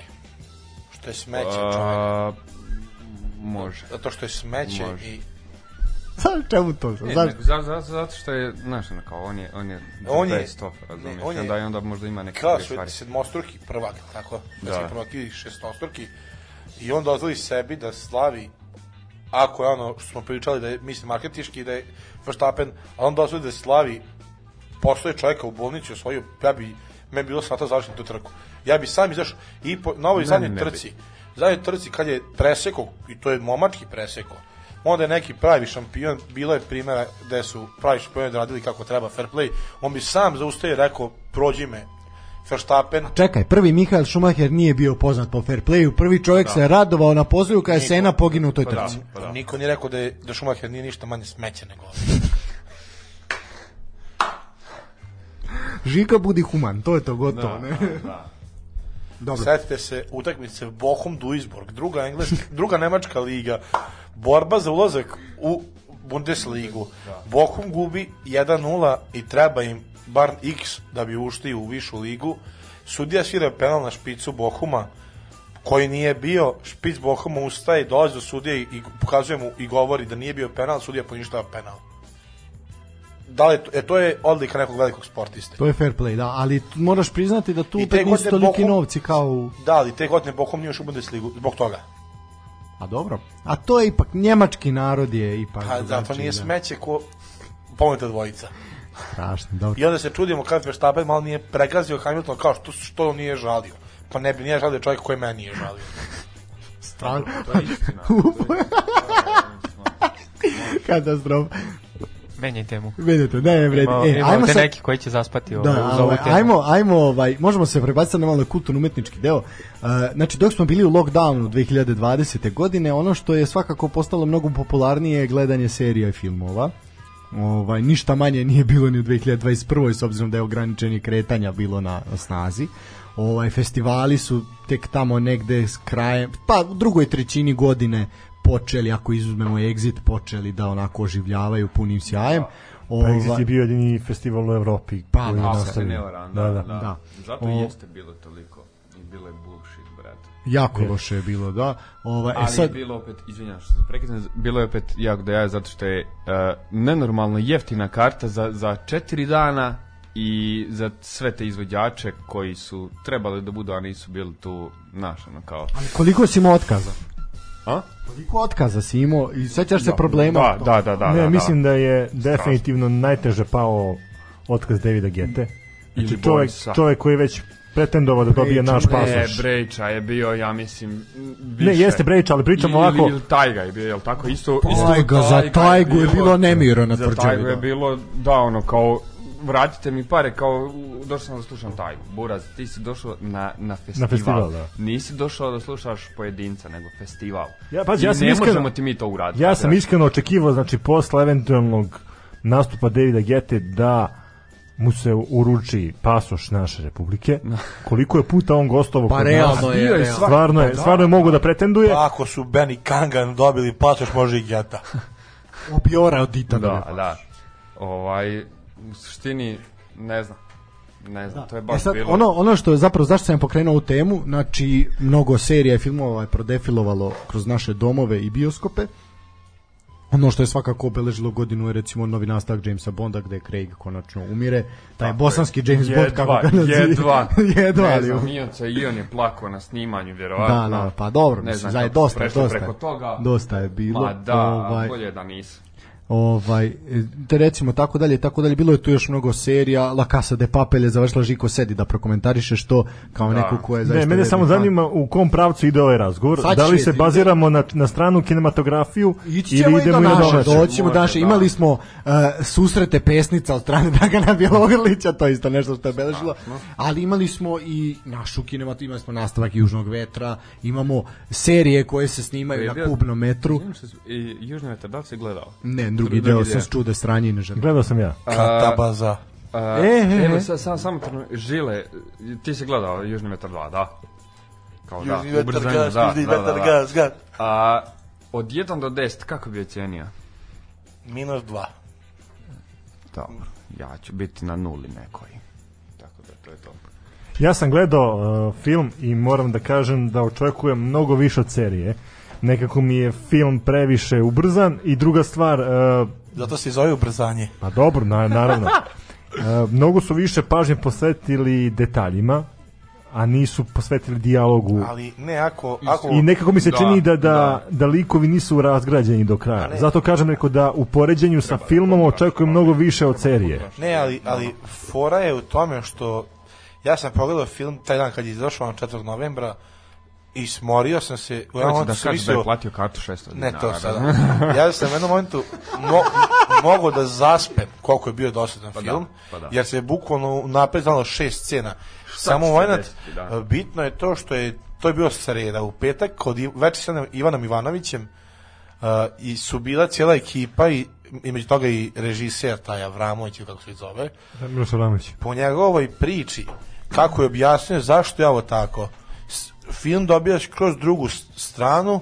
i ima nekog smisla, pošto je poenta je kako on ispričao, teo je da razradi film na tu stranu sa Bugarima, da bi onda na trećem delu došlo do, ako sam dobro razumeo, konflikta Pa da, zato se spoji zove oba dela. ubrzanje, zato Da, se ovo je zove samo ubrzanje, neki da. kao Prelaz. prelaz, na da, treći da deo. se treći deo kao bude bukvalno završni čin, a kad sam već kod ovog filma, da li ste videli juče što je e, dobili, ame- američka neka kompanija je kupila prava filma prvog dela i snimaće se američka verzija Južnog vetra. Diesel Čak su- Rock, ono, znaš, ne, ne, čak su, čak su i Tom Brady, ne, kako se zove, dobri glumci su čak dobili ponudu da budu i zašto je sad vest, molim te ukucaj da proverimo, dok ti, dok on traži, jedno pitanje, a si kad zaista zaspao u bioskopu? Dešavalo se. Ili jesi? Ja moram Taxi priznati. Blues. Ta, o, Taxi Blues je Ne, očajno. to ne- znači, to- To mi je najžalije bačanih 280 dinara. To prič, pričali smo o novcu malo prije. Ovaj, znaš kad se, znaš da sam ja zaspao? Na posljednjoj nemogućoj emisiji. Tu, tu me uhvatilo na 20 minuta san. Da, tu maj, zaista me savladalo onako poprilično. Ovaj, ajde osim Bonda i ovaj svega onog što smo bio je novi deo ovoga a bože, slagalice strave ili ti kako je prevedeno kod, da, kod nas, zatim si imao ponovo petak 13 i ono Da, milioniti da, da. deo, znači tako dalje, tako dalje. Koje je samo urađena muzika u suštini. Da. ja. E sad, što se tiče onoga što je privuklo najvišu, najveće, najveću pažnju, a to je Squid Game. To je neki fenomen koji je obeležio ovu godinu i Zašto? ja znam da ste vi svi gledali i ajde objasni zašto. Ajde objasni sad kad se prašina slegla Da, zašto. Zato što, zato što nemam pojma. Da li je zato što su e, zato što je korejska scena stupila tu i kao to je bilo Misliš bum. da je azijsko tržište? Pa da, pa da. E, zato što za, pa koliko Kineza ima na svijetu i tih tamo stvari, razumiješ, koji su, koji su gledali, to jest ljudi, ovaj, razumiješ, koji su, koji su pokrenuli sve to. A, vidi, meni se serija jako svidjela, dopala mi se, ok, ima kao, pri, malo je dosadna tipa na početku i sam kraj mi nije jasan. Ja bi iskreno ovaj završio, znači sam bi napravio tu jednu sezonu i to je to, ne bi je nastavljao dalje. Zato što svaki, e, svaki nastavak nekog serijala nije to to. Uh, obično bude na početku dominacije i onda sam nastavak bude uh, ni, ni, ništa specijalno, njima- recimo. što da. prekidam, da se vratim u Južni vetar, samo sekund. Ponuđeno je Tomu Hardy da bude Maraš, Jake Gyllenhaal da igra Baću, a Margot Robbie Sofija da igra Jovanu Stojiljković. Kuća iz Los Angelesa. I očekuje se već na jesen da izlazi njihova verzija. Dobro, zvuči interesantno. Pa zvuči zanimljivo, svakako, da. Ovaj, Da, ali opet... mm, Ne, ajmo se vratiti na fenomen Squid Game-a. Mislim, on je u roku od par nedelja oborio sve svetske Sve- žive da, moguće rekorde. je Netflix, da li si to vidio? Da li si Mhm. to čitao? Znači, Netflix je bio na samom propadanju dok nije došao Squid Game. Da li je, da li, da li su to nekako ili namjerno uradili ili Pa ja kako su da to jesu. čekali? Sam režiser Squid Game-a je, ako se ne varam, rekli su mu kao, druže moj, neće to niko gledati, potapšali ga po ramenu i rekli idi kući spavaj, a on je kroz par nedelja oborio Ne. sve svjetske rekorde. Od 2009. je napravljen scenarij. Tako je. I niko nije tada snimi. Mislim, to je po meni serija za... Ja se znam, ali za morone. Gledamo seriju koja je serija, Alan. radiš nešto i kao ubijaju te sakate. Daniel omiljena serija. Pa da. Za, zato što sam pogledao tri serije. otprilike. Pa on je pogledao tri serije, on nije pogledao jednu normalnu seriju. Na primjer, Kao na primjer? Dadan Berišu u Besi. E, a da Besa sad ide druga sezona, Prva tako? sezona i Dadan Be Beriša je pobegao iz zatvora. Ko nije gledao deveti, osmu epizodu. Malo šećera, malo šećera, Milan Deli, malo slatko. A da, a je, a je se gledao ti tipa Prison Break, tako te neke zajebancije. Koji ćeš si, Za- koju ne, epizodu, nego- koju sezonu ti kažem na pamet, šta ko- pričaju glumci. Pošto sam pogledao osam puta svih pet epizoda, sezona. Ti gledaš Blacklist, jel? Black Li- List, da. I Raymond Reddingtona. Jesi gledao Peaky Blinders? Peaky Blinders je sve sezone. Dobro, sad ide u februaru nova posljednja. Sedma sezona, da, šest epizoda. Da, ovaj, šesta sezona. Da, šesta, šest epizoda. Da, znači peto i sad imamo ovaj fašizam i to sve brutalno. Svaka sezona je brutalno urađena, svaka je priča sebe, ti nisi. Peaky fucking Blinder. Wow. Va, bravo, Bravo. bravo. Ne, vidi, treba da pogledaš, sad ću ti reći zašto treba pogledaš. Znači, prvo, soundtrack je fantastičan. Dobro. To je prva stvar. Uh, mi imamo našu Tomislav Šelbić listu ovaj, s koje puštamo muziku. Ne, vidi, soundtrack je fantastičan i to će ti se jako svideti. To je Ko je prva radio stvar. Arctic Monkeys? Uh, vidi, široko, znači imaš Nika Keva najviše, znači Niko Špiljak najviše, zatim imaš Davida Bovija, imaš Arctic Monkeysa, imaš PJ Harvija, znači zaista, ro- ozbiljna, ozbiljna priča. Što se tiče, da. Što se tiče muzike, kao tebe čoveka iz muzike, Da. će ti se svideti. Sama priča je uh, ono što je, ako se izgledao Senke na Balkanu, E vidiš sad, uh, Bijela je pozajmio od Peaky Blindersa da, na, da bi napravio Senke na Balkanu, koji su zaista najbolja serija u posljednje vreme koja se ovde desila. Pa dobro, ja se ne bi složio, ali ajde idemo. Zašto? Takođe. Zato što mislim da ima bolji serija od Senke na Balkanu. Na primjer? Na primjer, serija koja je meni izazvala onako baš veliku pažnju, jutro će promeniti sve. Dobro, Pritom, jeste dobro, jeste, moram se pritom ako gledamo za, za, Bal da li je kva- za čekaj. Balkan, mnogo mi je bolja uh, crno-bijeli svet. U, da, da, složio bi, složio bi, složio bi se. Možemo pričati o crnoj svadbi, da. I crna svadba nije loša. Imaš i, i ovu sad uh, s ovim advokatom, kako se zove serija, domaća. E, a imali smo porodicu. Imali Da, smo porodicu. priču o mi posljednjim danima Miloševića. To je ono što isto obeležilo. Vratimo se kratko na Peaky Blinderse. Zašto je e, zašto ovaj govorim? Peaky Blindersi su urađeni, to je skupa produkcija, jako skupa produkcija. I to se jako vidi, to se vidi i u Bjelinoj seriji. Znači to je Da, najskuplja. moraš- tako je, ti moraš da dočaraš produkcija, tako To je. vreme.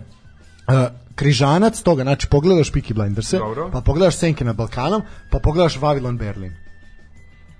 Znači, to uradiš sad dok 10 dana dok ne budemo i, raditi. iskonta, iskontaćeš koliko je. Squid Games u stvari glupa serija. Tako je, jer su ovo prebrutalne serije. Ali dečko je došao iz Trebinja sa planine i on zaista Jel misli... smijem da? Ne, Naravno, ne, slobodno, reci. To ga ne, Ne.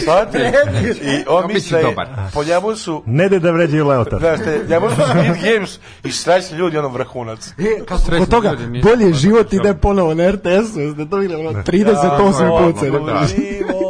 E, ali pazi kad smo, kod, kad smo kod, kod, život. kod Squid Game-a, ja mislim da je uh, Parazit u mnogome omogućio da taj proboj Jeste. azijske produkcije na, Vidio, na, na Parazit pokupio sve žive Oscare, A tek to što je glupo. To je jezivo A glupo. čekaj, po meni je kvalitetnije nego Squid Game. Daleko toga da nije. A to onda dočara koliko je u stvari Squid Game još gluplje. E, a molim te, aj sad, ovaj, ovo, Peaky Blinders, to smo rekli, to zaista svaka preporuka ko nije mora pogledati, jer onako... To je već opšta kultura. To je opšta kultura, naravno. A, molim te komentar na La Casu de Papel. Na završnu, konačnu kraj, posle koliko, pet godina već koliko smo čekali kraj. S obzirom na četvrtu sezonu, peta je dostojanstvena. Četvrta je baš bila izlupana. Ustraću se. Tako da... Zašto? Ne, ne, mislim na Danila, zašto? Ne, Previ, pazi, Žika gleda serije i filmove, da se mi Da, ne lažemo. previše, Da, da. bukvalno se, radi puno. Da.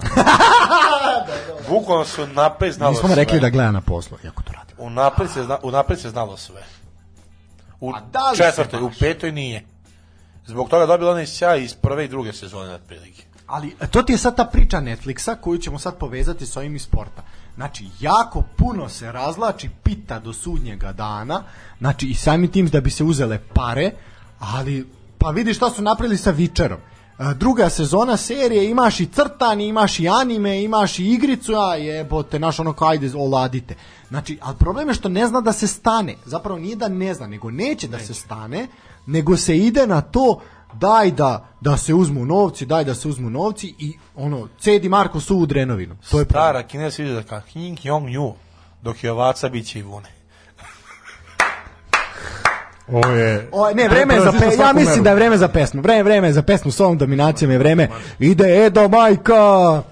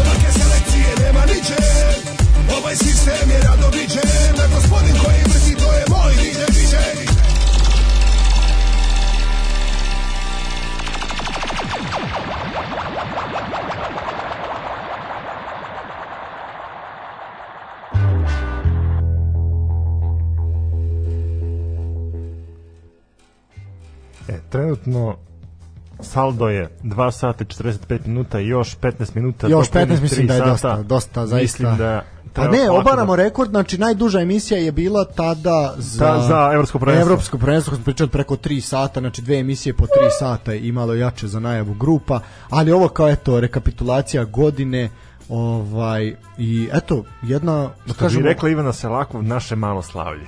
e, ja bi tako nazvao ovu emisiju. Dobro, ovaj, ok, ne, ajde, mi sad ovako kad ozbiljimo priču, znači jedna, da kažemo, godina u kojoj se život vratio u normalu, makar delimično, ali su se... Kako kome, znaš, oni koji imaju sertifikat i koji su vakcinisani mogu Da, ovaj što nema je mora da ostanu, izostane trenutak, to nije. Ovi ostali moraju da pale kući, Da, da, gledaju bolji život. Bolji život. Žiko, molim te za šp, to, tonalitet špice ponovo. Ovaj, Ja hoću...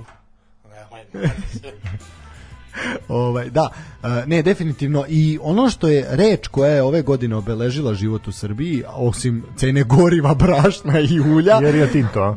je Rio Tinto definitivno, ali je reč ekologija. Mislim da smo ove godine se u Srba konačno pojavila ta priča o ekologiji i ajde re, de, de, de, de, de, reci, reci šta imaš. Ovaj i ta imali smo ponovo te proteste, ja već ne znam ko je u nizu, ovaj ali da li je zaista narod pobedio? Sad ja moram tebe, ti se baviš ekologijom i zato te i pitam. Ovo je jako bitna tema i zato sam i ostavio za kraj. Ovaj, da li misliš da smo mi nešto postigli na polju borbe za ekologiju? Znaš kako, evo ja ću da ti kažem, snimak koji je mene pre neki dan poprilično znadio, to je snimak Gorana Vesića, koji u, u emitovanju na, na televiziji priča neku svoju priču o tome kako treba da se e, da se zelenjavaju površine i imaš iza njega ženu koja uzima i koja baca đubre kroz prozor, tako mislim da da, da, da bio taj snimak. E, to je pokazati gde se naš narod nalazi i gde se nalazi svest našeg naroda kad je u pitanju ekologija. A, svakako ta tema vode, voda, vazduh, a, zemlja, a, jednostavno s- Vatra, je, je da. tema koja mora da da se više priča, mora da se podigne na neki- veći nivo, mora ljudi da shvate da jednostavno došli smo u situaciju kada sami sebe ugrožavamo, ali opet a, ne znam i ti i ti protesti koliko oni mogu biti dobri eto na jednoj strani desilo se to povlačenje navodno ali opet je pitanje Navodno, vrlo znaš kao to ti je navodno. To ti je kao kada pokušavaš da začepiš rupe na, na, na gumi, e pa jednu rupu začepiš, a druga se otvori. E, ja tako bar gledam taj problem ekologije kod nas. Jer kada se zagrebe, to nije samo naš problem, to je generalno globalni problem, ali između ostalog e, imamo tu situaciju da stvarno mi prvo moramo, ako hoćemo da krenemo da čistimo našu zemlju, da prvo krenemo od sebe, znači od našeg dvorišta. E, dosta se priča o temama e, mini hidroelektrana, e, zagađenje voda, Srbija treba da shvati da Pa i vazduha, i vazduha. i vazduha, ali generalno ako pričamo o vodama, dosta se spominje to kako smo mi zemlja koja ima dosta reka, jezera, nekih prirodnih tokova. Mi imamo stvarno problem sa, sa vodom i kada se pogleda e, broj stanovnika i područja koja su i dalje pod e, čistom pijaćom vodom, mi stvarno imamo problem. Tako da treba da se osvestimo, trebamo da razmišljamo na tu stranu da prvo krenemo od sebe, znači neke svoje navike da menjamo, da bi na kraju uspeli da preživimo ovo vreme a, koje je tako kritično za, za sve nas. O, da, ja sad evo, i evo momci su tu pored mene koji su sa mnom ove godine zaista prokrstarili Vojvodinom, prvo i pre svega, ovaj, i e, imali smo tu situaciju da smo bili gosti i u Zrenjaninu, i u Kikindi, i u Sečnju, navodno, Žitište. žitište, tak, bravo, bravo, bravo. Da, ja nisam bio u žitištu, zato, zato ga nisam spomenuo. Nisi dostojan. I tamo smo se, pa e, e, odlično, i Novi Kneževac, da. I tamo smo se susreli sa tim fenomenom da nema pijaće vode kad odvrneš slavinu. I, i osjećaj, Daniel i ja smo bili u Sečnju, bili i Žika do duše, ovaj, da kad smo se istuširali u Sečnju smo se osjećali prljavije od te vode nego, nego, Nego prije nakon toga, tuširanja. da, Da, da. Znaš kao pričamo o vodama, možemo da pričamo o šumama, možemo da pričamo Može, pa o priča šta se poseklo ove godine samo. Da. Pričaju o vazduhu, da, koji opet smo Znaš, najzagađeniji. da pričamo o otpadu, jer kao svako od nas polazi eto te pretpostavke da tokom dana više puta taj otpad skladišti na neko određeno mesto kod nas se stvaraju divlje deponije. Da. Znači, Imate divlju deponiju kod Petvrdina, Imate u fotovu da imaju futovu da ima Sa- ima ima dosta ovaj teritorija gde se stvaraju te divlje deponije. Opet uh, Trebinje. Ali ovo su provokacije. Ne, ali nešto je fora, bar iznad, iznad Trebinja nemamo poklopac kao iz novog, što ja kažem poklopac na nebu. Uh, kad sam došao ovde u Novi Sad, uh, sunca ba, ne vidiš, bog te mazo, ne vidiš plavo nebo. Razumiješ? londonsko vreme, londonsko. Znači, nevjerovatno, samo što ne pada kiša toliko, razumiješ? Nego bude samo sivo i tmurno. Dok odeš dole, na primjer, u Trebinje, gdje stvarno, ovaj, bilo gdje, recimo, da, da je južniji ti manji gradovi, Uh, o, stvarno se osjeti razlika u, u, u vazduhu i, i u svemu tome, naš. U vazduhu. Sama, sa, sama voda, sama voda, ovaj, što, što smo pričali, ovaj, gdje smo bili u, u Sečnju, ako se ne varam, uh, istušira se i imaš osjećaj isto kao da je ta voda, mislim, ne, to je jako... Zarđala, zarđala. Imao sam osjećaj, osjećaj se kao zarđali ekser, bukvalno. E, tako, da. da. Nije nego se gubite neki nivo, pa vama sve sve, sve, sve jako strašno. Pa tako ne, da. ali čekaj, ti ljudi nemaju više od 20 godina, nemaju pijaću je, vodu. da. Znači, to je jako strašno. Ovaj, mi, A pa mi- evo, ti uzmi primjer Novog Sada, gde ti imaš na lokaciji koja je možda najbolja lokacija u gradu, gde je gradsko šetalište, na, na, na Keju, ti imaš izgled kanalizaciju u Dunav, direktno u Dunav. A onda se posle kupaš u istoj vodi, par metara dole kad odeš na strand. Zato se ne kupaš. To je, to je fora. Odeš, tamo, što bi rekli Rivijera na govnare. Ovaj. odeš u Grčku i riješ problem. Svuda je tako. Nije to samo kod nas. Pa, Ne, kažem, to, je, to jeste globalni problem. Nemci izbacuju Ok, ne kažemo mi da to nije globalni problem, mi se bavimo našim dvorištem, što bi rekao Miroljub Labus, prvo početi u svom dvorištu pa gledaj napolju. Ovaj, ali definitivno da se ove godine, čini mi se, bar za mojih 26 godina vahta na ovoj planeti, na ovom bijelom dun, dunjaluku, kako bi rekli kod tebe, sam dobro rekao? Ne. A? Nemam pojma čemu pričaš. Ne znam šta je bijeli dunjaluk. A do, dobro, to možda malo severnije od tebe ide. Pa, vjerovatno, Moguće, ne da. malo, nego malo Ma, a, više. u stvari, pa malo više Sarajevo i recimo ta strana. Ništa to. Ništa, Ništa to, to, dobro. Ovaj, znači, za ove 26 godina vakta mislim da se zaista običan narod nije toliko bavio ekološkim pitanjima koliko nije ta svijest bila na tom nivou kao recimo prošle i ove Pa godine. ne bavi se ni sad obično. Ne, bavi se. A bavi Radili se, su- mnogo više su- razmišlja običan narod sad o tome. Mnogo više nego Pazi, što je na- razmišljao. si koji način? kad si ti Stanislav prvi razmišljao o tome? Da. A recimo 2020. godine kad je Šta je počela je po- priča o zagađenju Šta vazduha. sam ja po tome? Da. Ništa. Pa dobro, vozim benzinca, a ne dizela. Aha, To je aha, složio, e, to je, to je možemo mi da pričamo o svemu, ali šta mi radimo povodom toga? Ja prvi ništa. Krenemo svi od nas, niko ništa. Upravo to, to ja pričam, krenemo svi nas, ali e, statistički gledano ove godine ekologija došla na četvrto mesto kada su u pitanju neke teme važne za funkcionisanje ove zemlje. Znači imate politiku, imate ekonomiju, imate, ne znam, medicinu, covid, na četvrtom mestu e, se našla tema vezana za, za ekologiju. E, zato kažem, neko, treba svi da krenemo od, od sebe i jedno tako nam može biti bolje. ja se slažem, ali Kad skreneš od toga što sam gledao neki komentarac vezan za ekologiju, ideš gradom, centrom grada i vidiš papirić na zemlji. Kad se sagneš da pokupiš i baciš u kantu? nikad. Evo ti ulice braće Zašto ga Popović. baciš ti na- Čekaj, a zašto ga baciš na zemlju? Pa ne treba, ako te neko baci, ti ako hoćeš da promeniš sve ekologije, ti njih pokupi. A, Ko to radi? Niko. A imate primjera iz... Čekaj, a stani, ima, da li ti to radiš? Aj sad.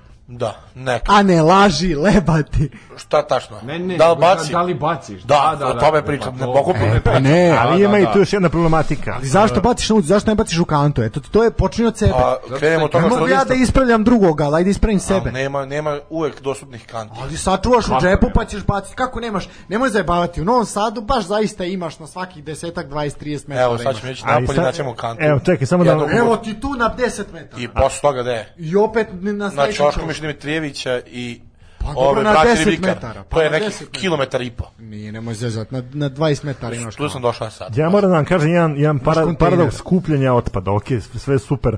Eto što vas dvojice su odlučili da, da papirić koji nosite, ne znam, 15-20 uh, metara ili duže, pa i do kilometar bacite u kantu, ali se opet, opet taj otpad loše skladišti. To je sistemski problem. To ti je imaš, sistemski ti imaš ne, problem. ne, ne znam, naprave, evo kod promenade, imaš kante koje su kao spojene, da imaš za papir, plastiku, karton i ne znam šta Da je. li stvarno misliš da ljudi to kao... I ti ubaci, da? ti ubaci, znači sortiraš na određeno mesto i onda dođe kamion i to pokupi i sve stavi u jednu gomilu. Da, e, da. to je problem kada Pa pričamo evo, evo o- imaš o tu Milana otpadu. koji živi na Keju. Reci koja količina otpada je svaka subota jutro ili nedelje jutro na Keju? Ogromno. ja ne znam kako uopšte nadležne komunalne službe uspevaju sve to da A očiste, Očiste. oni opet očiste. Jeste, ali to su sati i sati rada velikog broja ljudi koji se trude maksimalno. postoje da kontejneri? slede- Postoje. Postoje, ali činjenica da je količina otpada koji se tu, da kažem, proizvede ovaj tokom noći, uglavnom, prilikom jel okupljanja mlađih generacija na, na samom keju. U što on ne spada? U šta da ja ne spadam, to je činjenica. Ovaj ne, zaista, zaista ovaj to su to su nenormalne količine i ima e, tamo e, prostora za odlaganje, ali to apsolutno ne da. Znači, Dru- druga stvar, ako uh, gledamo kako se ljudi ponašaju i kako svojim primerom pokazuju nekim drugim uh, ljudima, tu možete da vidite otprilike koliko mi nazadujemo u odnosu na Evropu. Uh, bacanje stakle, staklenih flaša u, u Dunav, uh, čak i mokrenje u, u isti. Dobro, to što mi Može- u togu piškimo da bi se, u Dunav, da bi se ovi u Novom Sadu onda okupali o tome, to je više neki rivalitet. To ne bi ja gledao baš ko zagađenje. Dobro, ali ja te pričam, eto, da gledamo i sad, kritički smo bacili akcenat na, na omladinu koja se skuplja na, na keju u letnjem periodu kada je lepo vreme. Ćemo sta isto omla da sačeka ti stvarno, stvarno. a, stvarno treba kao da, da, da se ta omladina nekako edukuje, jer ne bi trebalo to da rade. Ok, kao ti si u pijanom stanju, sve to super, druženje tebe povuče, ali ti bi za taj neki postupak u nekoj ozbiljnoj zemlji bio drastično kažnjen. E, ajde, ti si sad bio u Sloveniji skoro. I sad ajde objasni koja je razlika. Pa mislim nebo i Da zemlja. ima razlike? Ne, nebo i zemlja. Prvo Slovenci su pre par godina uh, proglašeni za najekološkiju zemlju na svetu. Najčistija, najčistija. Najčistija. Ovaj da što znači prvo nema papirića, čak i kad kada ima papirića, to je onako baš kritično. Ovaj ljudi eto se trude da da da da njihov grad, mesto bude čisto. E, Druga stvar ima dosta zelenih površina, e, gledali su da iskoriste na svaki mogući način i e, solarne panele za neku koncentraciju, odnosno proizvodnju električne energije. Mi tu imamo problem da je naš predsjednik na Eko Summit u Glasgowu rekao da, ok, kao mi imamo određenu tendenciju da promenimo kao tu neku zelenu politiku, ali kao mi ne možemo da se odreknemo uglja jer mi proizvodimo struju na osnovu uglja. Znaš, sad kao, Ali da, problem je što mi koristimo uh, ugalj najlošeg kvaliteta. I on zagađuje vazduh. mi koristimo i ugalj, koristimo i e, razne druge druga maziva i fosilna goriva da bi se grejali, da bi proizvodili električnu energiju, ali mi ne, ne koristimo potencijal koji nam priroda daje. To je isto istina, da. Znači, sad kao, poenta priše Stefana za predsjednika. Upoređuješ Sloveniju, upoređuješ kao Srbiju gde kod nas ono ajde kao prvo da da edukujemo ljude da da ubacuju đubre u kantu. Znači kao to prvo. Ja evo pozivam svakog, znači samo ujutru, recimo u periodu do 7.30 prođite ulicom Braće Popović, to je ulica Gladnih u Novom Sadu, gde su girosi, indeksi i tako dalje. Da vidite koli, isto, isto. Prođite da vidite količinu đubreta na trotoaru i na ovoj biciklističkoj stazi. Znači to je jezivo. A pritom kante su zaista više kanti na nekoliko metara udaljenosti. I jezivo je šta bude. Znači zaista svako jutro radnici gradske čistoće se trude i oni to sve očiste, ali opet to svako veče, svako veče bude isto. A, definitivno da u ovoj godini smo ovaj sedi žile da završimo, vidim da si nervozan. Ovaj a, u suštini da, ove godine smo čini mi se počeli malo da vodimo računa, ali još smo mi to još, smo mi daleko. daleko daleko. A ja bih polako se zahvaljivao u, evo blizu gluvo je doba što bi rekli 22 časa je ovaj i zaista smo onako otišli po 3 sata već u programu A, polako prvo da se zahvalim vama momci koji ste koji ste bili koji ste bili ovaj naši gosti dragi i ja se nadam da ćete nam uskoro ponovo doći bez ne mora biti neki poseban povod A, vama želim prvo lepe praznike da se odmorite odmor nam je definitivno potreban i naravno sve najbolje i najlepše u predstojećoj kalendarskoj 2022. godini ovaj puno puno ovaj svega lepog, sreće, zdravlja, kako to se već ide, da ni najviše kupi taj auto, da ta priča oko polovni, da se da mi više polovni, polovni automobili ne iskaču u inboxu više, zaista, ovaj... Su prestigli Trebinje live na prvo mesto. U, Ovaj, na de, sajtu. de, Ne, uf, jesu. uf, borba, borba, borba će biti, ako uskoro ne reši, da, bit će borba. jesu, da. Jesu, jesu, Znači, jesu. Trebi, Da, Trebinje da, live da. je sad na drugo mesto pa. Ili treće. Čak. Oj, jo, ozbiljan pad, ozbiljan pad. ozbiljno, Kupuj auto, zato ono. noći je kupim auto da bi vratio se na, oduzimam mu vreme čitanja. E, hvala, Milanče, hvala da je to za tebi. Ovi su već bili ovde banditi, ti prvi put, nadam se ćeš doći ponovo, zaista je bilo prijatno s tobom razgovarati. Hvala na pozivu, uvek ovaj, ću se rado odazvati na, na poziv. Tako da nadam se da je ovo samo prvo u nizu udruženja koje nas I mi, I mi takođe, Žile, tebi hvala, opet si izdominirao doktorski u svom, u svom maniru, onako kako ti priliči i samo ću tvoje gostovanje ovaj, jednim tvojim citatom koji zaista vredi istetovirati, čak a, neko završi medicinski fa fakultet da bi bio lekar, neko se doktor rađa. Žiko, hvala ti još jedan put na gostovanju i nadamo se te ponovo. Nema čemu, hvala i vama na pozivu. Zvaćemo te, prokomentarišemo četiri skakaonice. To, tu, te, Može, tu, tu, sam, tu sam baš dobar. tu si dobro. Jako To dobro letiš kad gledam, skočiš. Da, da, 100%. Da li je to ovaj prva tema u narednoj godini? Pa imamo, pa Da, da. sa ovim završavate ovu godinu? Ne, imamo još Ne, jednu imamo najavit ću, emisiju imamo koja će biti u ponedeljak. Imamo dobra i Uf, eto biće najavljujemo borba, je biće borba. da preslušate i Imamo nama. veslača, veslač ili kajakaš? Šta smo? E, veslač. Veslač i imamo devojku koja je šampion Srbije u obaranju ruke. Treća u Evropi, prva u Srbiji. Ovaj zaista eto zanimljivo. Imamo jednu da kažemo ovaj Mišića u ekipu u ponedeljak. Ovaj Stefan i Tanja će se izboriti izboriti sa tim.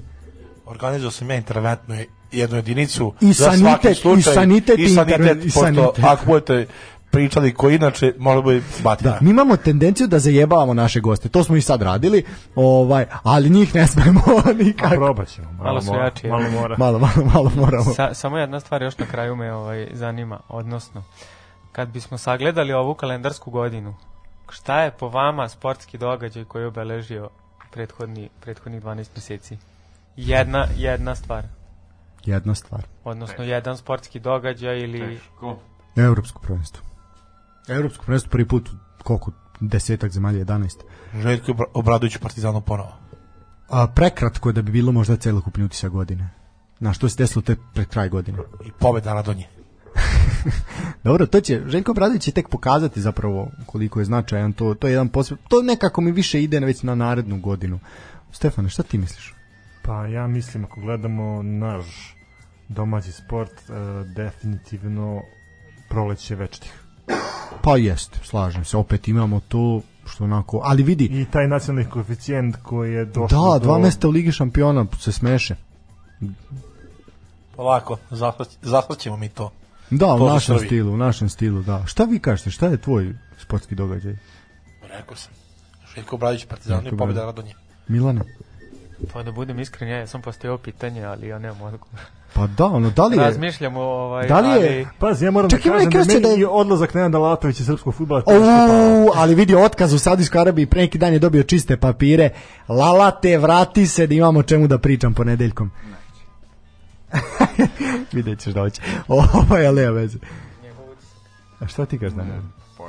Znači, domaći Da li- sport, apsolutno. Ne domaći, uopšte su. Ne, ne, bitno da premier ligi. Aj, aj. U, pobeda nad Sarajevom, je li tako? Da, Da, da, dobro, ali vidi, da, da. da li se može reći da je, na primjer, se automoto sport ove godine dobio na značaju više Da. nego? Da, da. Znači, recimo da je tvoj, mo- što bi rekla Olja Becković, tvoj najveći utisak je? Moguće to, a, jer si u Hrvatskoj i, i, i sam Rossi, to je to što su pričali. Zanimljivo, zanimljivo. Mislim, to, to je taj neki moj Da, definitivno Rossi, ovaj. To je nešto obeležilo Da, godinu, to će se pričati. je da. nešto što je, da, da, ostalo upamćeno. A, dobro, ovaj eto zanimljivo. A, ništa kažem, momci još jedanput hvala, a sad je red da se i mi ovaj zahvaljujemo kome imamo, Stefan i ja kao glavni odgovorni ovaj za ovu emisiju. A, da, mi idemo od februara, nije nam godišnjica još uvek, ali će biti biti u februaru, to ćemo poprilično proslaviti. Ako smo ovako pravili novogodišnji specijal, šta misliš šta će biti za godinu dana? Mislim da je 17. februar. Ovaj mislim, poprilično sam siguran čak šta više. E, to je onaj demo snimak, to je to je da to mislim kad ovaj kažem godišnjica. E, hvala ovako prvo hvala tebi Stefane hvala što si ovaj bio ponekad glas razuma, ponekad nećete me pohvaliti, ali dobro. E, ne, izgu, mislim da smo uradili fantastičan posao. Izgurali smo 62 epizode, bit će i 63, možda 64, ali 63 je realno. Bar u ovoj tekućoj godini. Bar u tekućoj godini, naravno očekuje nas mnogo više u narednoj. Uh, hvala, ajmo redom, hvala našem prvom gostu, Vladanu, čovjek koji, sa kojim smo radili prvi intervju i koji ćemo pamtiti, ja se nadam da ćemo ga uskoro imati ponovo, jer da najavimo hokej sezonu i uopšte tu zimske sportove.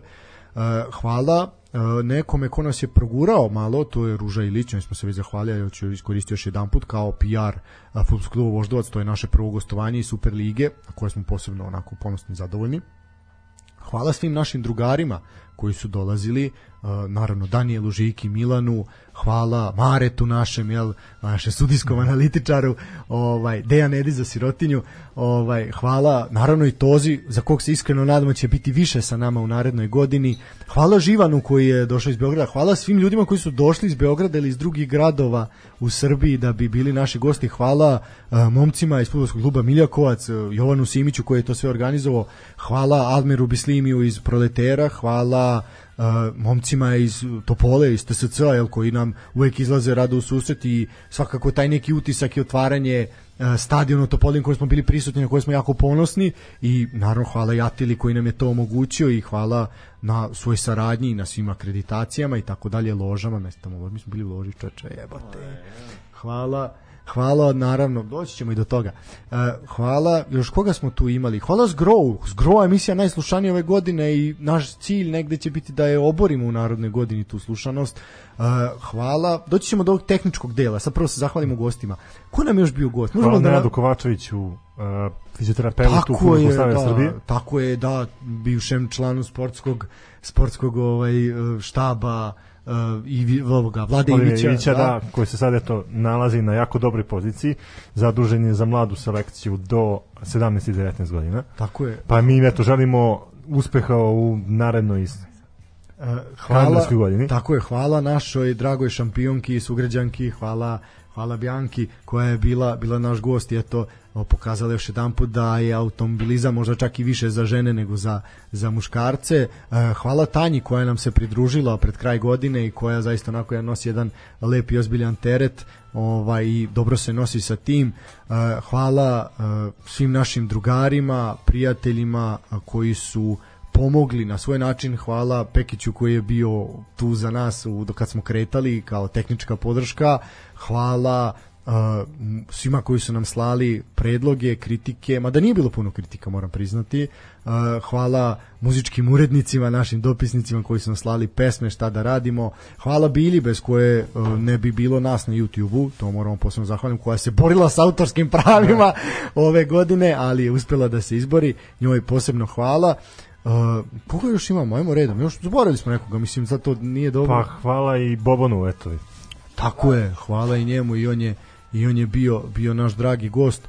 Uh, U suštini kada sumiramo po ovu kalendarsku godinu, može se reći da je sportski pozdrav prerastao naša očekivanja. Nismo ekipa, ekipa koja se skupila čisto iz zezanja i napravila neku demo verziju svog a, podcasta, u, uspela je da za relativno kratko vreme napravi određenu bazu ljudi koja prati naš rad i mi vam se stvarno zahvaljujemo na, na svim a, emisijama koje ste slušali, što u, uživo, što u odloženom slušanju. Da, pa mislim, ako samo uh, uzmemo u to da je neko zaista uh, želi da sluša 63 epizode o domaćem futbalu, onda to zaista ovaj pokazuje da postoji želja i da se može nešto uraditi. Uh, da, ja sad gledam, ona i dalje čitamo sad ko je tu bio. Hvala momku golmanu FK Mladosti koji je bio bio Da, Stefan Dražić. Stefan Dražić koji je bio naš naš gost. Uh, hvala naravno svim stručnim analitičarima koji su gostovali. Hvala Aleksandri i Mimi koji su bili naši gosti i koji, kojima želimo puno osvojenih vrhova u narodnoj godini da nam opet dođu dođu u I dosta goste. iskupanih rupa. Da, da, da, da, da. Mislim za drveće. Da, hvala i Desi koji nam je malo ovaj pomogao u analizi evropskog futbala. Hvala momcima iz Naivici Offside-a, koji Stefanu pogotovo koji je bio naš gost nekoliko puta. Uh, hvala uh, hroničaru prve lige, hvala naravno ekipi Proletera i Sekuli koji je bio naš gost. Hvala zaista mnogo tu superligaša, ima i prvoligaša i niželigaša koji su nam pomag- pomagali, uh, koji su činili da ono osetimo se posebno i da radimo nešto dobro. Hvala naravno svima vama koji slušate i koji nas hvalite i koji nam dajete vetar u leđa i kad smo pomislili da odustanemo. Hvala Daško i mlađi, on njih sam namerno ostavio za kraj. Oni su prepoznali to nešto u nama, sad dalje je to dobro ili loše što su nas pustili da ovo radimo, ne znamo još uvek. Uh, li Vidi je- će vidi sutra kad budu. Da, ne dolaze, da, zato smo iskoristili sad napravimo haos. Uh, zaista eto, na prvo slušanje ovde kad smo nas dvojica došli u februaru i ako bojažljivo pustili taj snimak, oni su rekli da ovo je dobro i za kratko vreme naša emisija se našla tik uz njihovu ovaj i prestigla sve ostale poslušanosti. Hvala Sonji koja nam je više puta srdačno izašla u susret oko termina, hvala Kupeku koji je takođe srdačno poklonio svoj termin, hvala Migetu takođe, uh, rastrojavanju, svi oni koji su zaista, zaista pomagali i imali svoje predloge i savete. Uh, tako da eto, ono što ja želim nama kao sportskom pozdravu je da me neko konačno prekine kad pričam, da neko mi oduzme reč. E, ne, zaista da porastemo i mislim da nas u novoj godini očekuje mnogo, mnogo lepih, lepih stvari.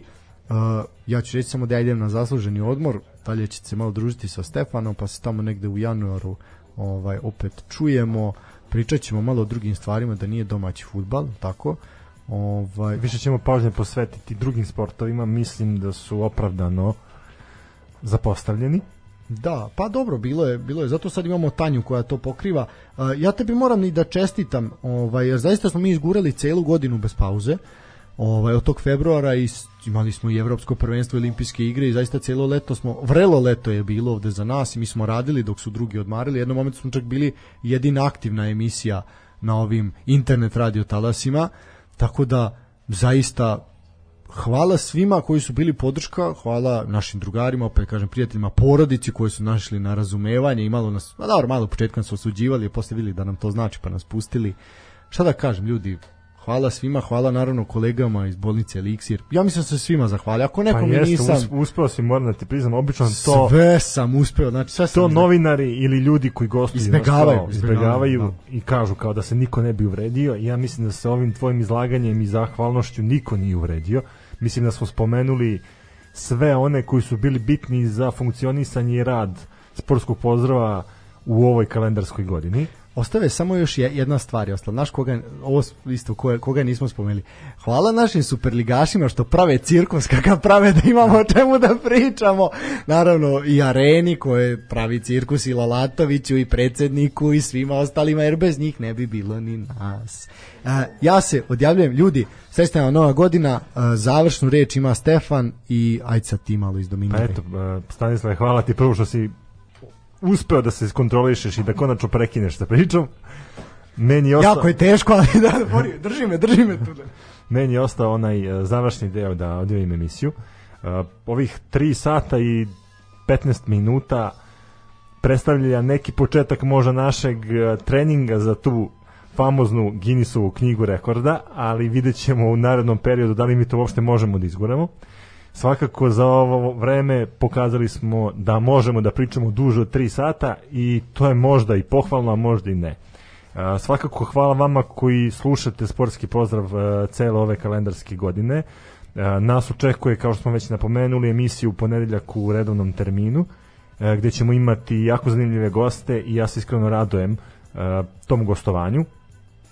Evo reci Stanislave, ponovo da, ti samo dajem reč. jednu, samo jednu stvar ovaj, koju onako smo i ostavili za kraj. Uvek smo ostavljali za kraj moralne poruke ili neke stvari koje su onako ostavljene na nas neki jak emotivni utisak, a definitivno ove godine smo nažalost imali jako puno tih stvari gde smo se uglavnom na kraju emisije opraštali od nekoga ili nekome davali značaj nažalost zato što nas je napustio i mislim da je svoje, svojevrsan omaž svim ljudima koji su nas napustili ove godine, a bilo ih je mnogo, mnogo sportskih i svih ostalih legendi je ovaj nažalost napustilo napustilo ovu lepu još uvek lepu planetu.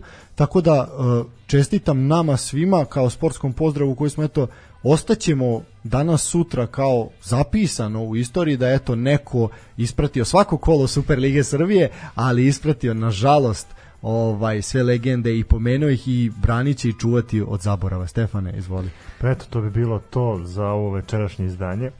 Družili smo se ukupno 3 sata i 15 minuta. Kažem opet, trudit ćemo se da u narednom periodu budemo kraći, ali takođe vežbaćemo za taj uh, Guinnessov rekord. Uh, kao što sam ev to napomenuo, to bi bilo to za večerašnje uključenje. Uh, hvala vam na pažnji i do sledećeg slušanja. Sportski pozdrav!